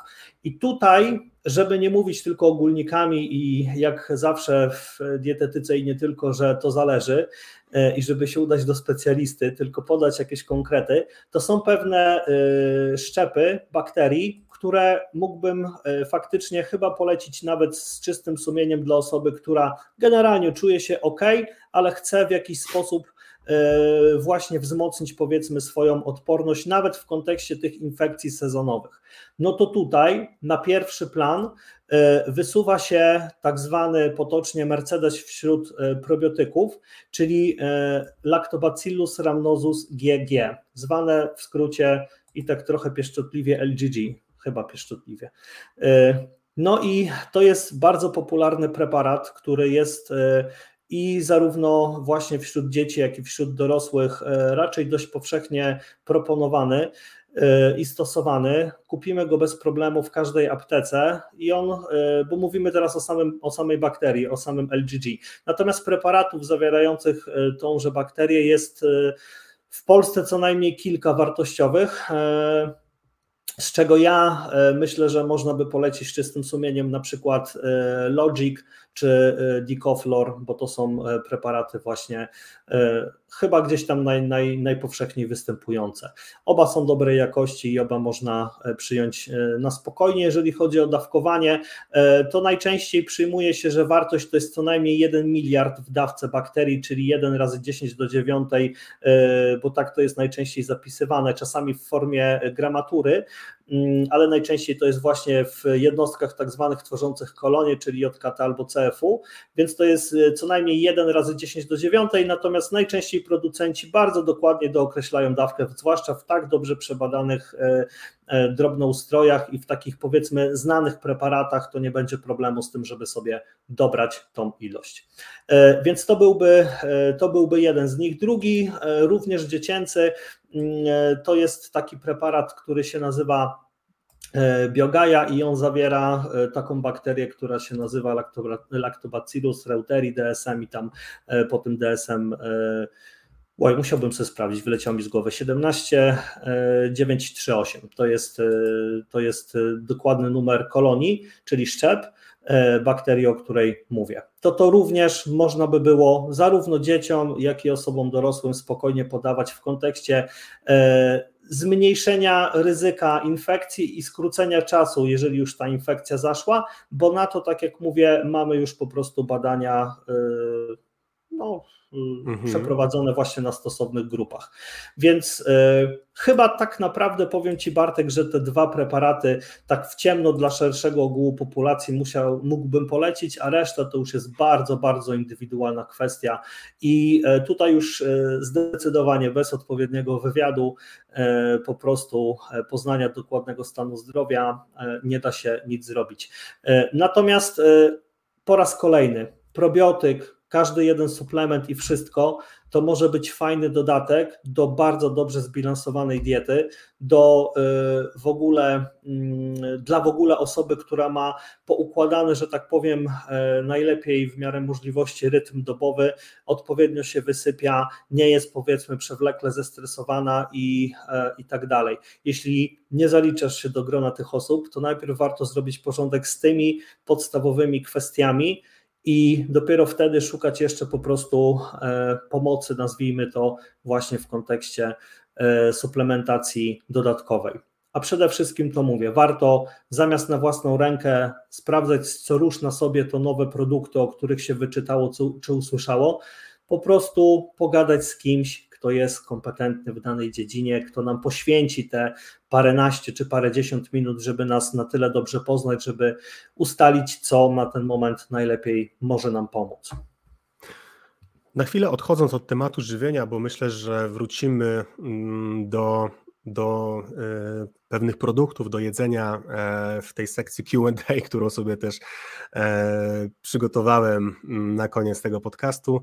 Ale na chwilę odchodząc, e, wyobraźmy sobie, że no dobra, ktoś, ktoś tutaj mm, z punktu widzenia żywienia ma już pewien taki, mm, pewien taki obraz, w jaki sposób tutaj urozmaicić to jedzenie, jakie, jakie ewentualnie szczepy przyjmować, jakie suplementac- jaką suplementację zastosować.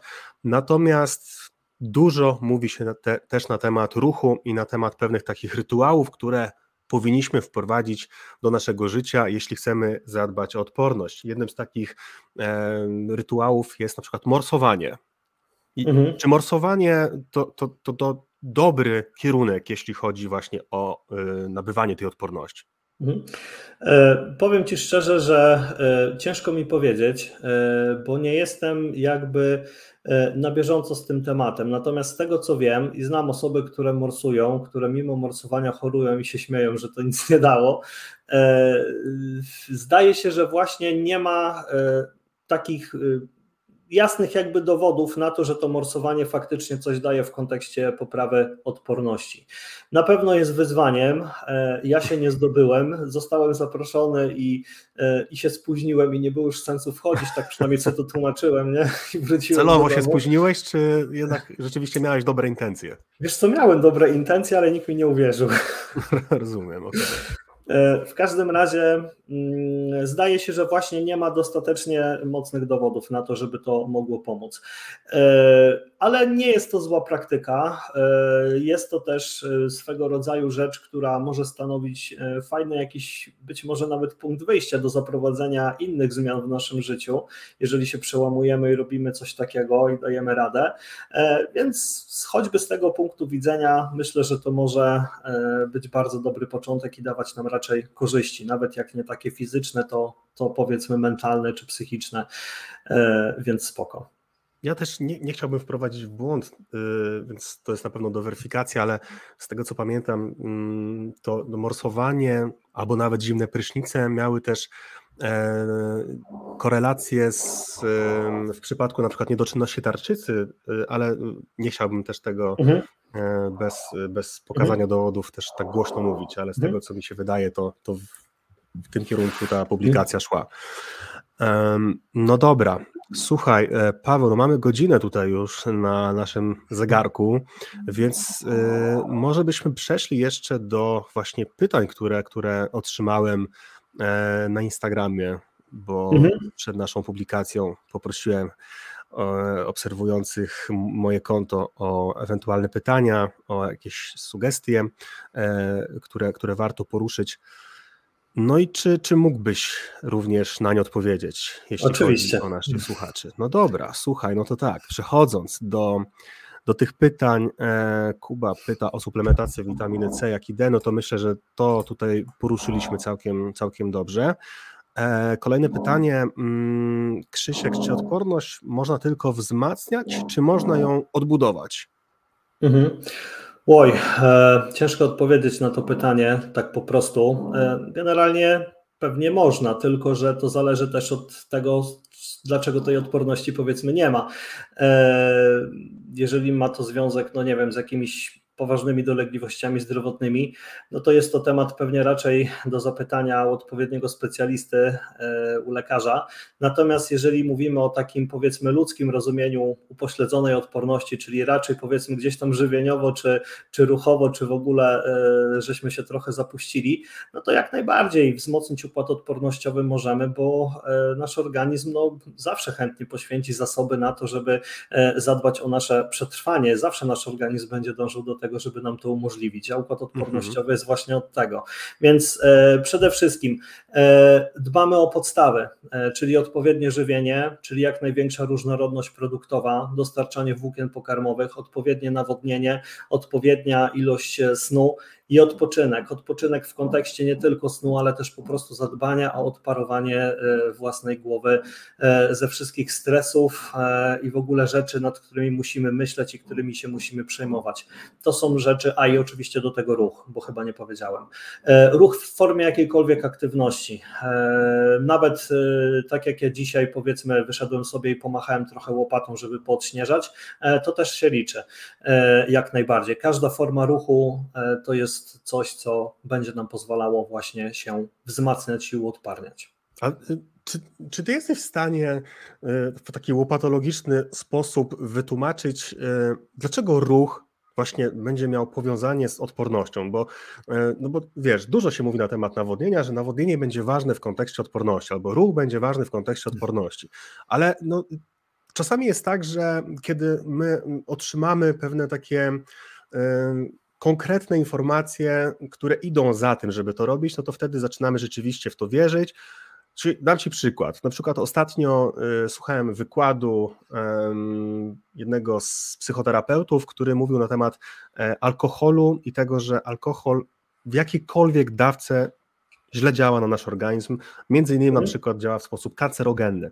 I to jest rzeczywiście no, taka informacja, która na przykład we mnie wzbudza pewne takie mm, obawy o swój organizm, więc staram się alkoholu nie pić albo ograniczać go, bo też nie będę robił z siebie świętoszka. Natomiast chodzi mi też o to, że to są takie konkretne argumenty, które przemawiają za tym, że na przykład właśnie tego warto nie robić albo to warto robić. I teraz dlaczego warto się będzie ruszać w kontekście właśnie y, odporności?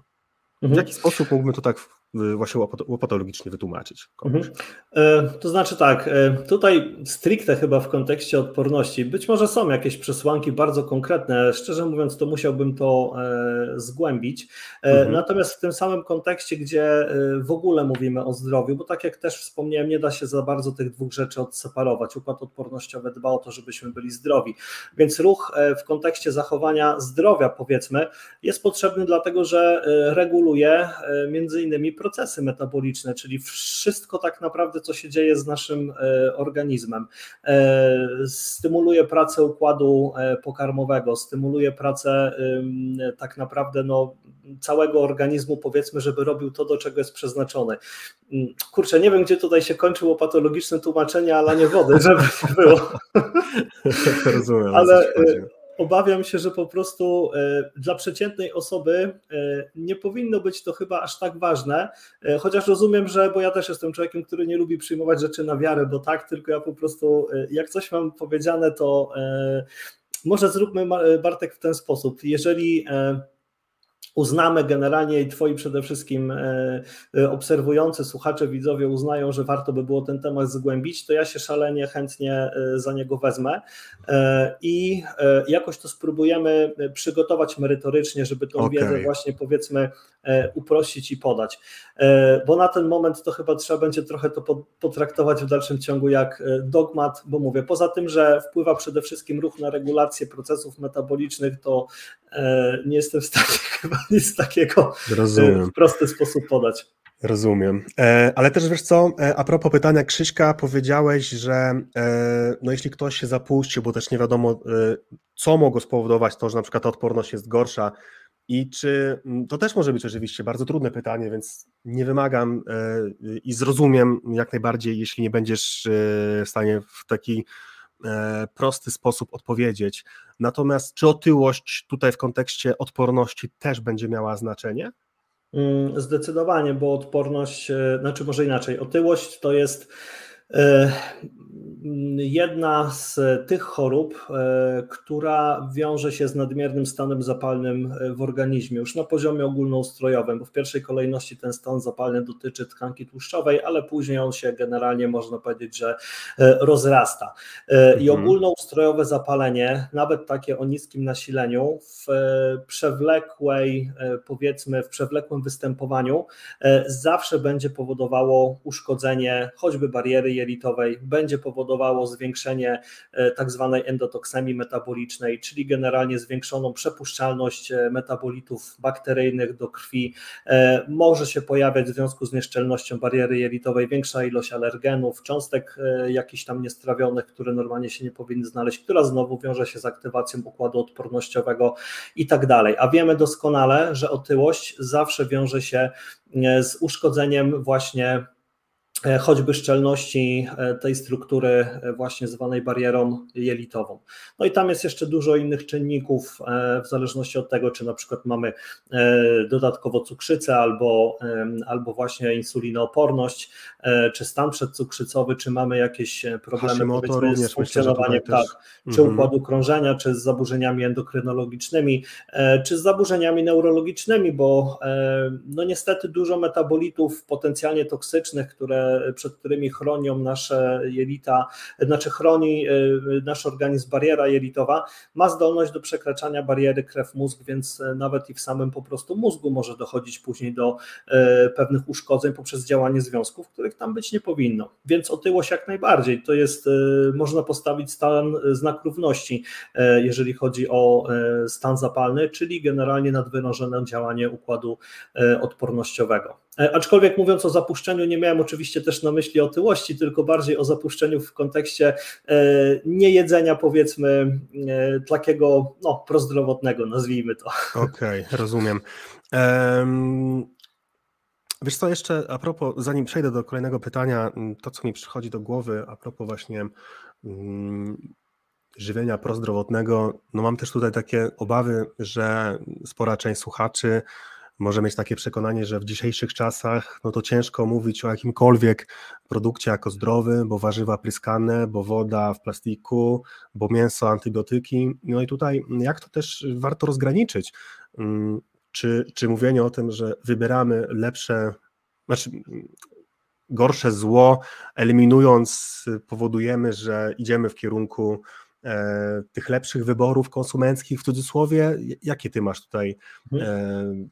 Sugestie w tym właśnie obrębie? Jak, jak tutaj, mm, jak zmotywować kogoś do jedzenia w sposób zdrowy, skoro on i tak ma takie przekonanie, że czy to będą chipsy, czy to będą warzywa, to nie ma żadnego znaczenia, bo wszystko w tych czasach jest po prostu jedną wielką tragedią. Mhm.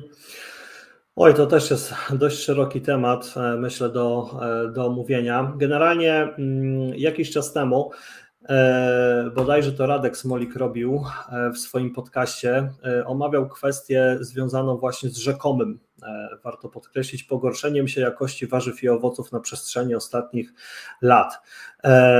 Ja mam wrażenie, że wszyscy, którzy tak bardzo dużo mówią o tym glifosacie, o właśnie wszystkich tych zanieczyszczeniach, o różnych różnościach rzekomo zabijających nas powoli, E, albo po prostu e, powielają tylko zasłyszane gdzieś tam informacji, do których ostatecznie i tak nikt nie podaje źródeł, a wiadomo, że strach się zawsze dobrze sprzedaje, e, albo po prostu uprawiają najbardziej ordynarny cherry picking, jaki istnieje.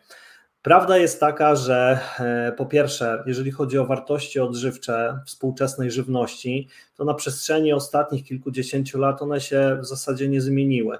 A nawet jeśli się zmieniły w jakiś tam nawet istotny sposób, no to warto się zastanowić, czy lepiej jest e, nie zjeść powiedzmy warzywa czy owocu ze względu na to, że on zawiera trochę mniej niż 50 lat temu i czekać nie wiem na co, e, albo ładować w siebie suple, które nie zawierają wszystkiego, czego zawiera, nie wiem, ten pomidor powiedzmy czy ogórek. E, to, A też są zanieczyszczone sobie... często, prawda, suplementy? Dokładnie, to to jest już zupełnie też inny temat, e, no musimy coś jeść, no czy nam się to podoba, czy nie.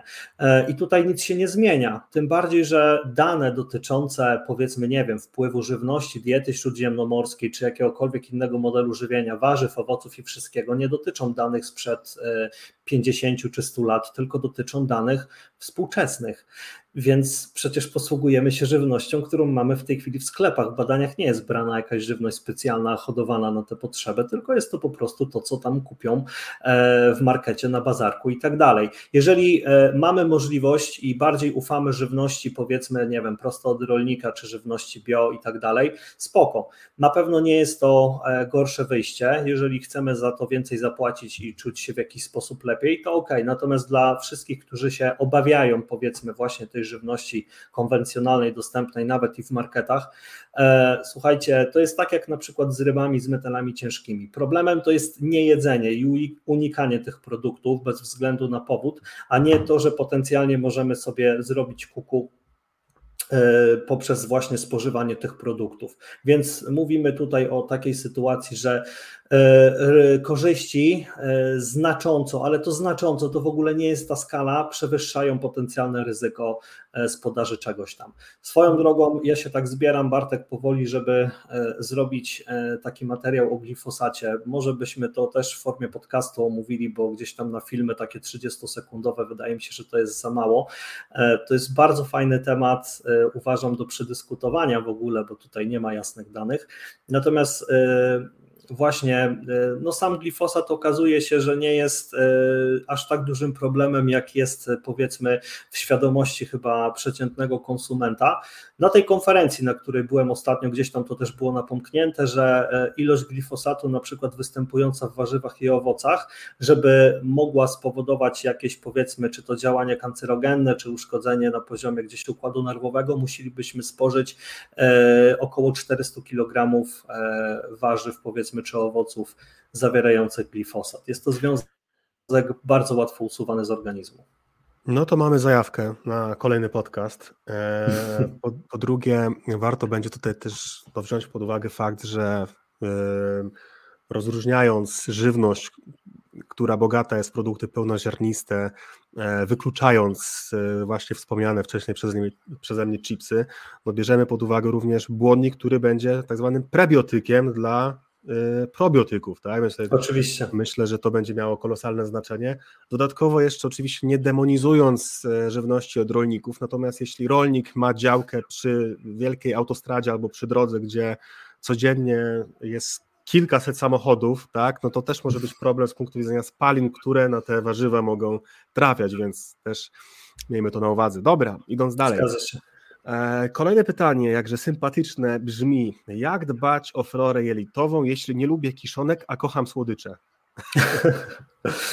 e, no cóż, Kiszonki nie są niezbędne w tym aspekcie, to już żeśmy sobie omówili. E, jeżeli to są tylko e, warzywa kiszone, to równie dobrze możemy je zastąpić fermentowanym nabiałem chociażby, czyli kefiry, jogurty przede wszystkim, ale naturalne. E, to jest bardzo spoko opcja, zwłaszcza, że oczywiście można tam pododawać sobie owoce i całą masę tych rzeczy, które żeśmy tam wcześniej też w kontekście owsianek nawet omawiali. Natomiast jeśli się lubi słodycze, to nie jest jakby przeszkoda przed tym, żeby zadbać o swoją mikrobiotę jelitową, e, tylko po prostu wtedy tym bardziej powinniśmy zwiększyć e, prawdopodobnie udział e, choćby prebiotyków, żeby ta żywność powiedzmy wysoko przetworzona, do której się słodycze zalicza, nie była zamiennikiem dla naszego normalnego jedzenia. Ja nie mam nic przeciwko temu, żeby sobie tam powiedzmy chrupnąć jakiegoś chipsa czy zjeść czekoladę, jeżeli mamy zadbane o te powiedzmy właśnie podstawy żywienia. Zasada 80-20 w tym aspekcie jest jak najbardziej ok. Ale też warto będzie znów dodać, że e, w kontekście e, na przykład wykluczeń słodyczy to może doprowadzić do wątku, który poruszyłeś E, a mianowicie do stresu, co będzie się przekładać na przykład znów na obniżenie odporności, bo stres tak. ma tutaj pewne mocne korelacje, więc e, wykluczanie produktów, które się lubi w imię mm, wyimaginowanego e, obrazu lepszej odporności nie będzie dobrym pomysłem. Dodatkowo warto będzie również wspomnieć o tym, że jeśli kochamy słodycze, to możemy pójść, e, oczywiście wiadomo, że to się wiąże z czasem, z przestrzenią na to, natomiast możemy pójść w kierunku takich lepszych wyborów konsumenckich e, z punktu widzenia słodyczy, a mianowicie na przykład e, robienia, przygotowywania ich samemu, prawda, e, czy na przykład właśnie jakichś szejków, które bierzemy do pracy na bazie na mhm. przykład kefiru, czyli kefir, banan, maliny, łyżka kakao, prawda, może jakieś siemię lniane do tego mhm. mamy coś, co jeszcze dodatkowo jak zamrozimy, to może wyjdą z tego jakieś fajne lody, prawda, więc no, możemy tutaj kombinować, tak, więc możemy jakieś tutaj znaleźć e, ciekawe połączenie. Dokładnie. Dobra. Kolejne pytanie. Jaki masz stosunek do przyjmowania preparatów z probiotykami, aby wspierać odporność?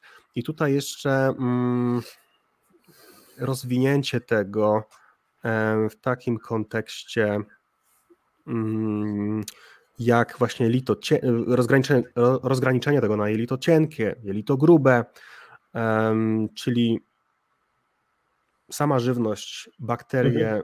ich szczepy, szczepy, gdzie mogą, y, dodatkowo które szczepy, gdzie mogą mieć znaczenie. E, mam na myśli jelito cienkie bądź grube. Nie wiem, czy, mhm. czy jest to zrozumiałe pytanie? Bo tak, też... E, jest zrozumiałe, natomiast e, nie da się w wielkim skrócie o tym opowiedzieć. To jest bardzo złożony temat, aczkolwiek da się w wielkim skrócie powiedzieć jedną najważniejszą rzecz. Mhm. Nie da się rozgraniczyć środowiska mikrobiologicznego jelita cienkiego, grubego, czy w ogóle w zasadzie jakiegokolwiek. Wszystko tak naprawdę, jeżeli mówimy o mikrobiomie jelitowym, to mamy na myśli przede wszystkim jelito grube, dlatego że te mikroorganizmy, które tam żyją, w największej zdecydowanie ilości, można powiedzieć, że są szefami e, innych bakterii na całym naszym ciele, a mamy je wszędzie. E, bardzo dużo jest ostatnio na temat mikrobiomu skóry, mikrobiomu układu oddechowego, w tym płuc e, na przykład i, i tak dalej, e, czy jamy ustnej. W związku z tym nie da się powiedzmy tego odseparować. Nie jest tak, że możemy mieć super zadbaną mikrobiotę jelita grubego, a na przykład masakrę w jelicie cienkim. To się po prostu nie dzieje. Możemy mieć bo każdy przejaw zaburzeń w środowisku mikrobiologicznym nazywa się dysbiozą i każdy z tych powiedzmy wizualnych efektów to będzie już jakaś tam właśnie e, forma objawów tej dysbiozy dotyczącej przede wszystkim jelita grubego, więc dbamy zawsze o mikrobiotę e, w ogóle w kontekście całego organizmu, ale no możemy realnie wpłynąć głównie żywieniowo na, na mikrobiotę jelita grubego. Jeżeli chodzi o same probiotyki, e, to tego jest po prostu tak dużo i z racji tej szczepozależności to jeden preparat może po prostu w jednej sytuacji świetnie pomóc, a w drugiej zaszkodzić. Nie, nie tyle, że, że, że po prostu za długo by zeszło, co nie ma sensu omawianie tak na sucho, e, powiedzmy tego, co warto stosować, a co nie. E, na pewno, jeżeli chodzi o samo stosowanie probiotyków, e, to myślę, że będzie bardziej wartościowe. To przede wszystkim trzeba stosować preparaty takie, które mają udokumentowane działanie w konkretnym przypadku.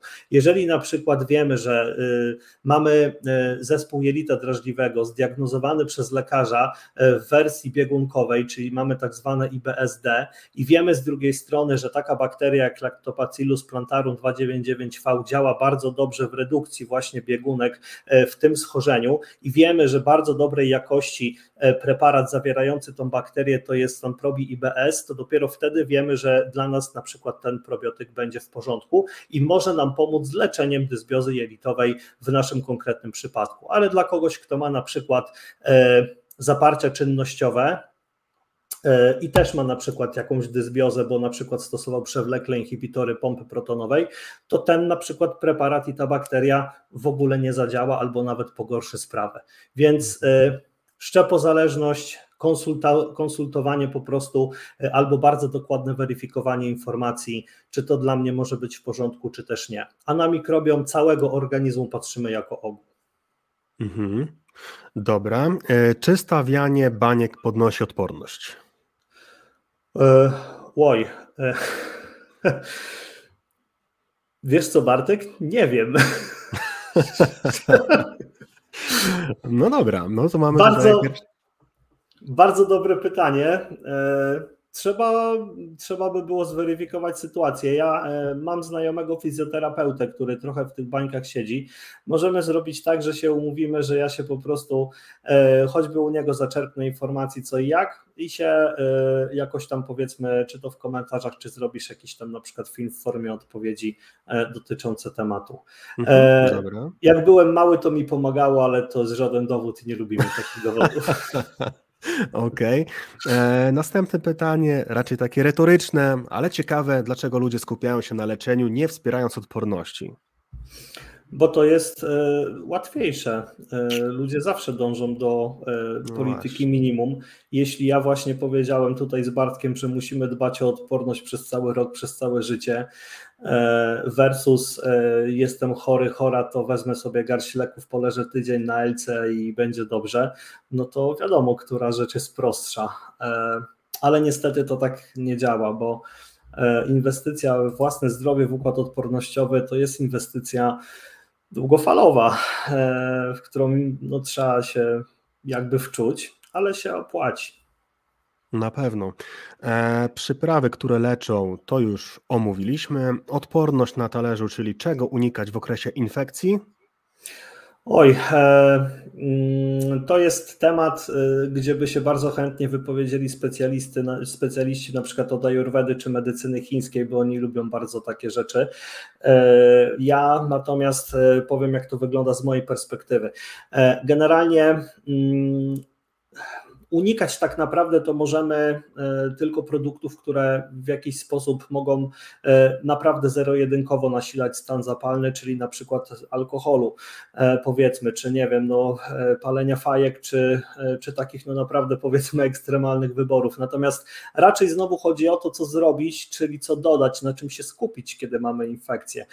Jeśli jesteśmy w stanie, bo tutaj niektórzy po prostu nie chcą jeść, chociaż logicznym byłoby zwiększenie tak naprawdę apetytu, bo stan zapalny zapalny e, zwiększa nam podstawową przemianę materii, dlatego osoby między innymi z insulinoopornością mają e, wyższą podstawową przemianę materii, e, ale po prostu e, odpowiednie odżywienie, czyli znowu żywność bogata w różne rodzaje białek, e, witaminy, w składniki mineralne, w to, co jest po prostu potrzebne na bieżąco organizmowi do tego, żeby produkował związki zwalczające infekcje, to powinniśmy włączyć do naszego żywienia. A jakieś konkretne produkty, które nie wiem, właśnie miałyby powodować pogorszenie stanu w tej sytuacji, no to poza wymienionymi na początku nic takiego nie ma. Odżywiamy się po prostu wtedy w miarę możliwości pełnowartościowo wartościowo e, i pijemy, pijemy, pijemy, pijemy, bo też wszystkie po prostu e, przemiany zachodzą w środowisku wodnym, zresztą mamy większą szansę się odwodnić, choćby z powodu gorączki, e, więc pijemy. Czyli takie babcine metody w stylu ciepłe mleko z masłem i miodem, to nie jest jakaś magiczna receptura, która ma na Nie, nie, myślę, że jak komuś tam, nie wiem, smakuje i ma przeświadczenie, że pomaga, to nie zaszkodzi pewnie. Placebo, ale, tak? To będzie. Ale tak, ale mhm. jakichś tam magicznych właściwości bym w tym nie widział. Dobra, a jeśli chodzi o właśnie żywienie podczas choroby, widzisz, kiedyś nie wiem, czy, czy to był jakiś filmik, czy to był jakiś artykuł, czy jakiś post, mm, ale jedna, mm, pamiętam, mm, taka osoba, która siedzi w temacie żywienia, już nawet nie pamiętam, kto to dokładnie był, natomiast napisała, że większość osób i też na studiach e, uczą tego, żeby jednak jeść, może poniekąd też e, zwiększyć, zwiększyć ilość e, białka, że jak jest choroba, to organizm potrzebuje nieco więcej kilokalorii, żeby przetrwać, żeby się wzmocnić, natomiast ona uważasz, że to właśnie post, to właśnie niejedzenie, głodówka i, i danie mm, pola do manewru organizmowi, żeby właśnie nie skupiał się na trawieniu, tylko skupiał się na chorobie, y, jest o wiele lepszym rozwiązaniem z, jej punktu widzenia. Jak ty uważasz? Mhm. No, w zasadzie to przy poprzednim pytaniu mówiłem, że e, z mojej perspektywy e, to właśnie odpowiednie odżywienie wtedy jest czymś, co powinno nas interesować.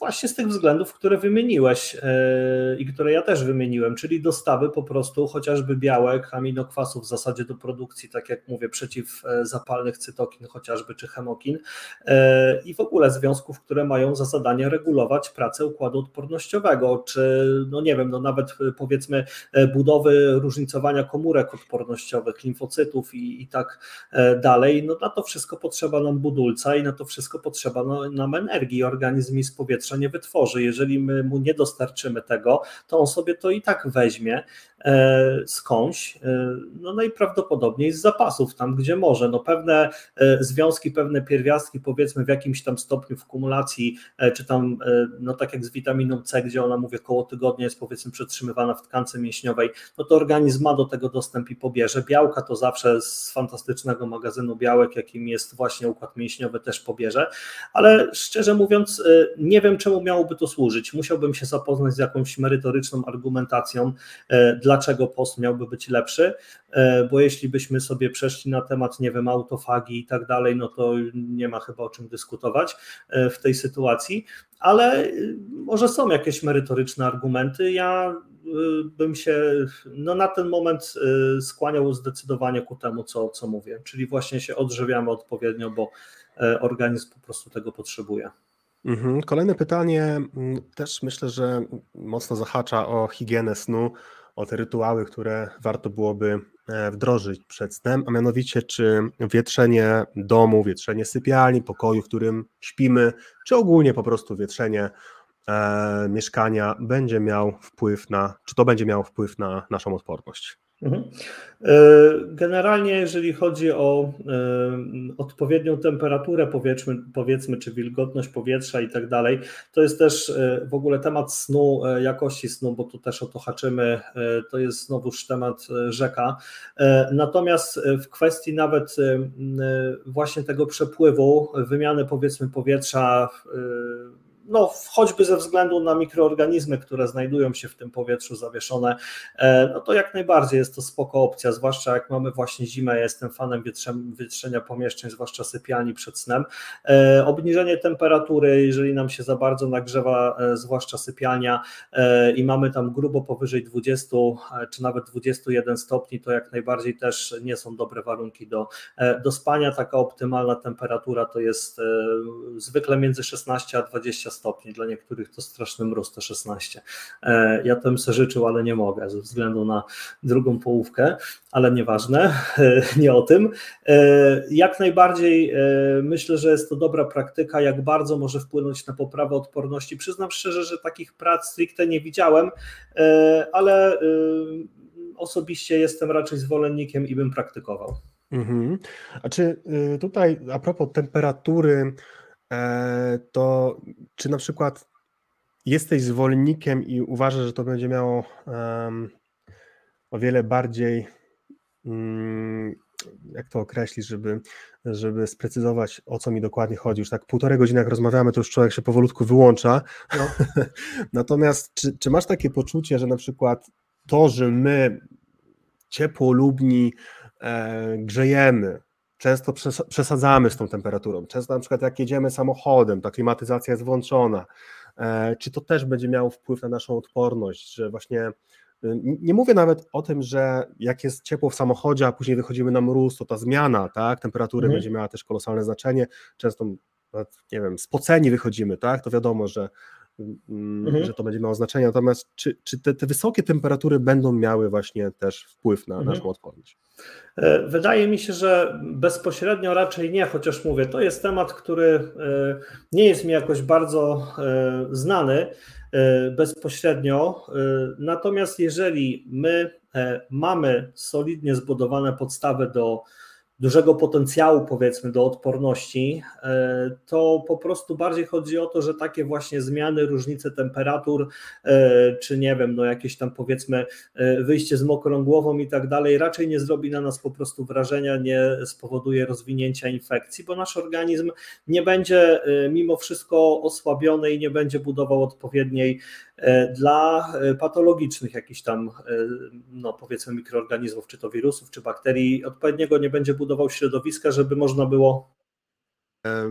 Dobra, coś nas y, przycięło na chwilę, więc y, reasumując, jeśli chodzi o, o to wietrzenie, czy ty jesteś zwolennikiem tych y, niższych temperatur raczej? Bo wiesz, ja, ja, też pytam, bo znów nie chcę, żeby to tak zabrzmiało z moich ust, że gdzieś tam kiedyś czytałem, ale no rzeczywiście tak było, że czytałem, że czy to w Norwegii, czy w na Islandii dzieciaki często wcale, jak są chore, to na przykład nie leżą pod kołdrą, tylko dalej chodzą do szkoły, czy dalej na przykład wychodzą, znaczy może czy do szkoły chodzą, to, to nie chcę powielać takiego mitu, bo może tak nie jest, no bo to też kwestia zarażenia innych mhm. E, dzieci, natomiast, że wystawiane są na te, mm, znaczy nie boją się tych niższych temperatur, o, o w ten sposób, mimo mhm. tego, że są chore na przykład, prawda? Tak, u nas w ogóle mam wrażenie panuje takie przeświadczenie właśnie, że niska temperatura to, to chorujemy e, od razu z automatu, że właśnie jak nie wiem, mamy stan zapalny e, gardła chociażby, to musimy to rozgrzewać e, i dużo jest takich rzeczy, które się robi, się mówi, ale trochę są jakby właśnie nielogiczne. Generalnie myślę, że odporność, e, jeżeli faktycznie mamy na odpowiednim poziomie tego organizmu, czyli organizm jest po prostu właściwie odżywiony, e, radzi sobie absolutnie fantastycznie, a przynajmniej radzić powinien ze wszelkim złem tego świata, no bo po to ten układ odpornościowy nam, e, że tak powiem, wyrósł. I E, dbając o to, dlatego o odporność dbamy przez cały rok, żeby właśnie nie, nie chorować, jak już mówiłem, tylko szybko i łagodnie przechodzić po prostu infekcję. Tak, żebyśmy nawet nie odczuwali ich skutków, żeby właśnie nawet ta e, powiedzmy wzmożona praca tego układu odpornościowego, często towarzysząca gorączka e, tej wzmożonej pracy, no nie powodowały, że jesteśmy połamani i po prostu niezdatni do funkcjonowania. I częsta, e, częste wychodzenie, właśnie stąd też to morsowanie i tak dalej, e, coś, coś jest na rzeczy. Chodzi generalnie między innymi o zwiększenie przepływu i to jest jakby główny argument za e, zwiększenie przepływu w naczyniach krwionośnych e, po prostu e, no, wszystkich składników odżywczych, które w tej krwi po prostu płyną i lepsze odżywienie organizmu, szybsze dostawy no, wszystkiego, co, co tam jest aktualnie w danym miejscu potrzebne, nie tylko składników odżywczych, ale też właśnie przeciwciał i wszelkich związków, no, które właśnie no, muszą się tam powiedzmy w odpowiednie miejsca e, być dostarczone. E, I e, może ma to związek właśnie z tym, może z tym, że po prostu no, ci ludzie jakby nieco inaczej jedzą. Ciężko mi jest powiedzieć, bo, bo się po prostu gdzieś tam mhm. no, w temat nawet tych mrozów powiedzmy nie do końca wgryzłem, ale jest ciekawe i się myślę, że wgryźć w niego warto. Mhm. Dobra, e, Paweł, ostatnie pytanie. Mm, co najlepsze na odporność u trzylatki? Ja myślę, że to możemy w ogóle podłączyć pod czy dwulatki, cztero, pięcio, dziesięcio, dwunastolatki, e, ogólnie jeśli chodzi o odporność u dzieci, ale też i dorosłych. Natomiast to skupmy się na dzieciaczkach, mhm. jeśli tutaj pytanie dotyczyło dzieciaka. E, tak, tutaj jest też taka ciekawa zależność, że najczęściej dzieci e, zwykle do trzeciego roku życia, e, jeśli chorują często, to najczęściej właśnie później nie chorują. To jest po prostu taki model mm, trenowania naszego układu odpornościowego za dziecka, który odpowiada za to, że właśnie przechodząc jakieś tam infekcje ze względu na obecność choćby komórek pamięci w naszym układzie odpornościowym, nabywamy właśnie odporności na dane infekcje i nasz organizm korzystając później z tych e, komórek pamięci e, jest w stanie szybko bardzo zwalczać patogeny, które po prostu nas e, dotykają. Stąd też, tak jak mówiłem, więc po raz wtóry powtórzę, bo to jest mega ważne, żeby to zapamiętać i rozróżnić, to nie chorowanie jest problemem i niechorowanie świadczy o zaburzonej odporności, tylko przewlekłe i bardzo ciężkie chorowanie, z którego po prostu nie możemy wyjść bez farmaceutyków.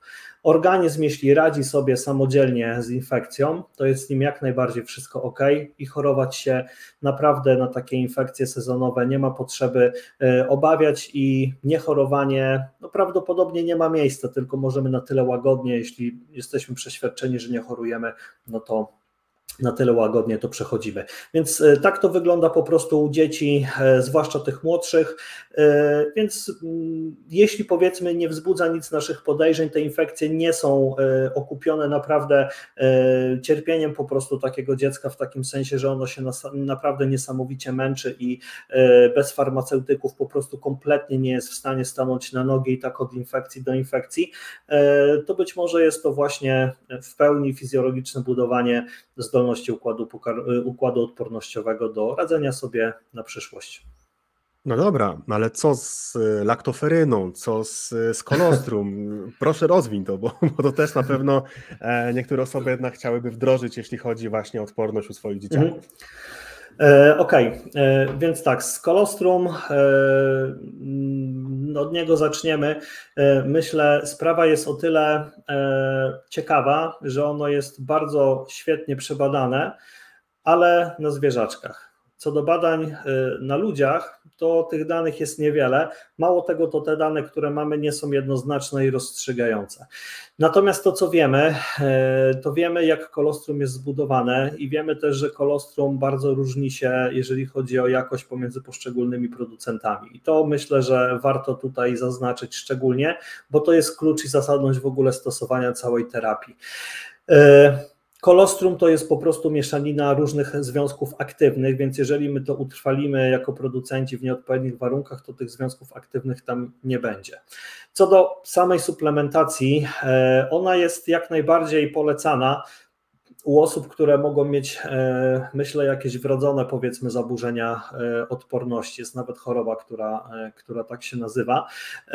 Natomiast zawsze uważam, że w porozumieniu z lekarzem czy z innym specjalistą taka suplementacja powinna być wprowadzona. Samo kolostrum szkodliwe nie jest, chyba że ktoś ma alergię, alergię na białka mleka krowiego, no to raczej w tej sytuacji nie jest to dobry pomysł, żeby je stosować, ale w każdym innym przypadku w najgorszym razie nam nie pomoże, a w najlepszym lepszym może faktycznie e, pomóc. Natomiast nie sądzę, że jest przewlekle sens stosować kolostrum. E, nie jestem jego ani hejterem, ani fanem, po prostu e, w pewnych sytuacjach, zwłaszcza u dzieci, które tak jak mówię, chorują bardzo często i te infekcje naprawdę się zawsze kończą antybiotykiem, to w tej sytuacji myślę, że naprawdę warto byłoby rozważyć wprowadzenie, ale do takiego profilaktycznego budowania odporności u dziecka, które jakby no nic nie sugeruje, że ma jakiś problem, problem e, na tym polu, myślę, że nie ma sensu się e, w to bawić. Podobnie zresztą sytuacja wygląda z laktoferyną e, w kontekście odporności, choć sama laktoferyna to ma dużo więcej zastosowań, bo mm, był kiedyś, pamiętam, taki ładny artykuł nawet w polskiej prasie, który się nazywał laktoferyna białko multipotencjalne, no bo ono takie faktycznie jest. Ono ma ponad 20 różnych w ogóle niezwiązanych ze sobą funkcji do spełnienia i o układ odpornościowy też dba bardzo mocno, bo ono robi sporo w kontekście właśnie e, mikrobiologicznego składu, powiedzmy, naszej mikrobioty jelitowej. Ono nienawidzi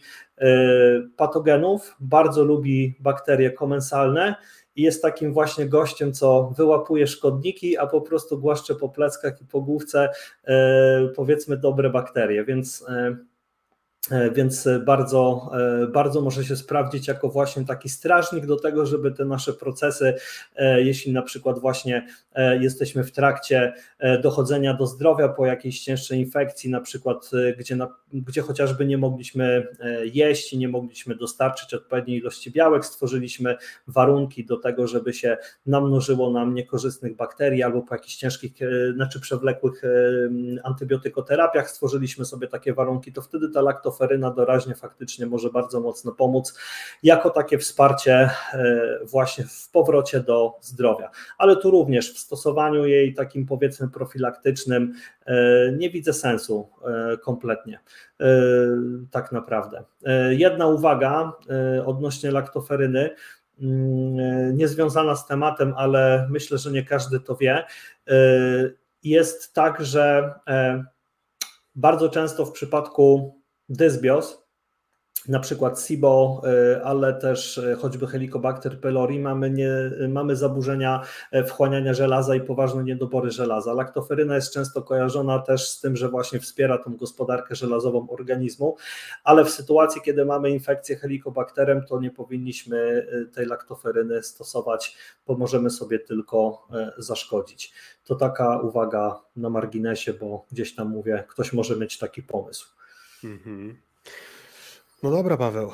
Pogadaliśmy trochę. Mm, jak tak. zwykle trochę wymknęło nam się to spod kontroli, ale cóż, no myślę, że warto będzie przyzwyczajać do takich e, dłuższych audycji, no i przede wszystkim do częstszych audycji właśnie z Twoim udziałem, no bo może już oficjalnie też powiemy, no że po prostu wprowadzimy może takie co, co dwutygodniowe mhm. audycje, podcasty, które, które właśnie będą obfite właśnie w, w, w informacje ze świata e, typowo dietetyki, dietetyki klinicznej. No i fajnie, fajnie, że, że tak to będzie wyglądało.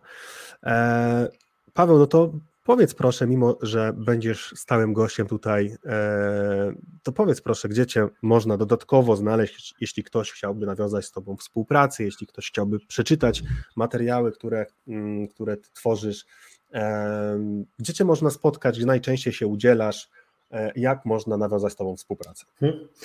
E, dzięki. Zapraszam serdecznie do siebie e, na media społecznościowe. Przede wszystkim chyba ostatnio najwięcej mnie można znaleźć na Facebooku i na Instagramie, aczkolwiek takim głównym moim medium to jest TikTok. Ja mam taki profil Prawda na talerzu i pod tym logo zawsze mnie znajdziecie. W razie co to może gdzieś tam zależy, gdzie ten podcast będzie. Jeżeli będzie możliwość, to Bartek gdzieś tam jeszcze poumieszcza linki.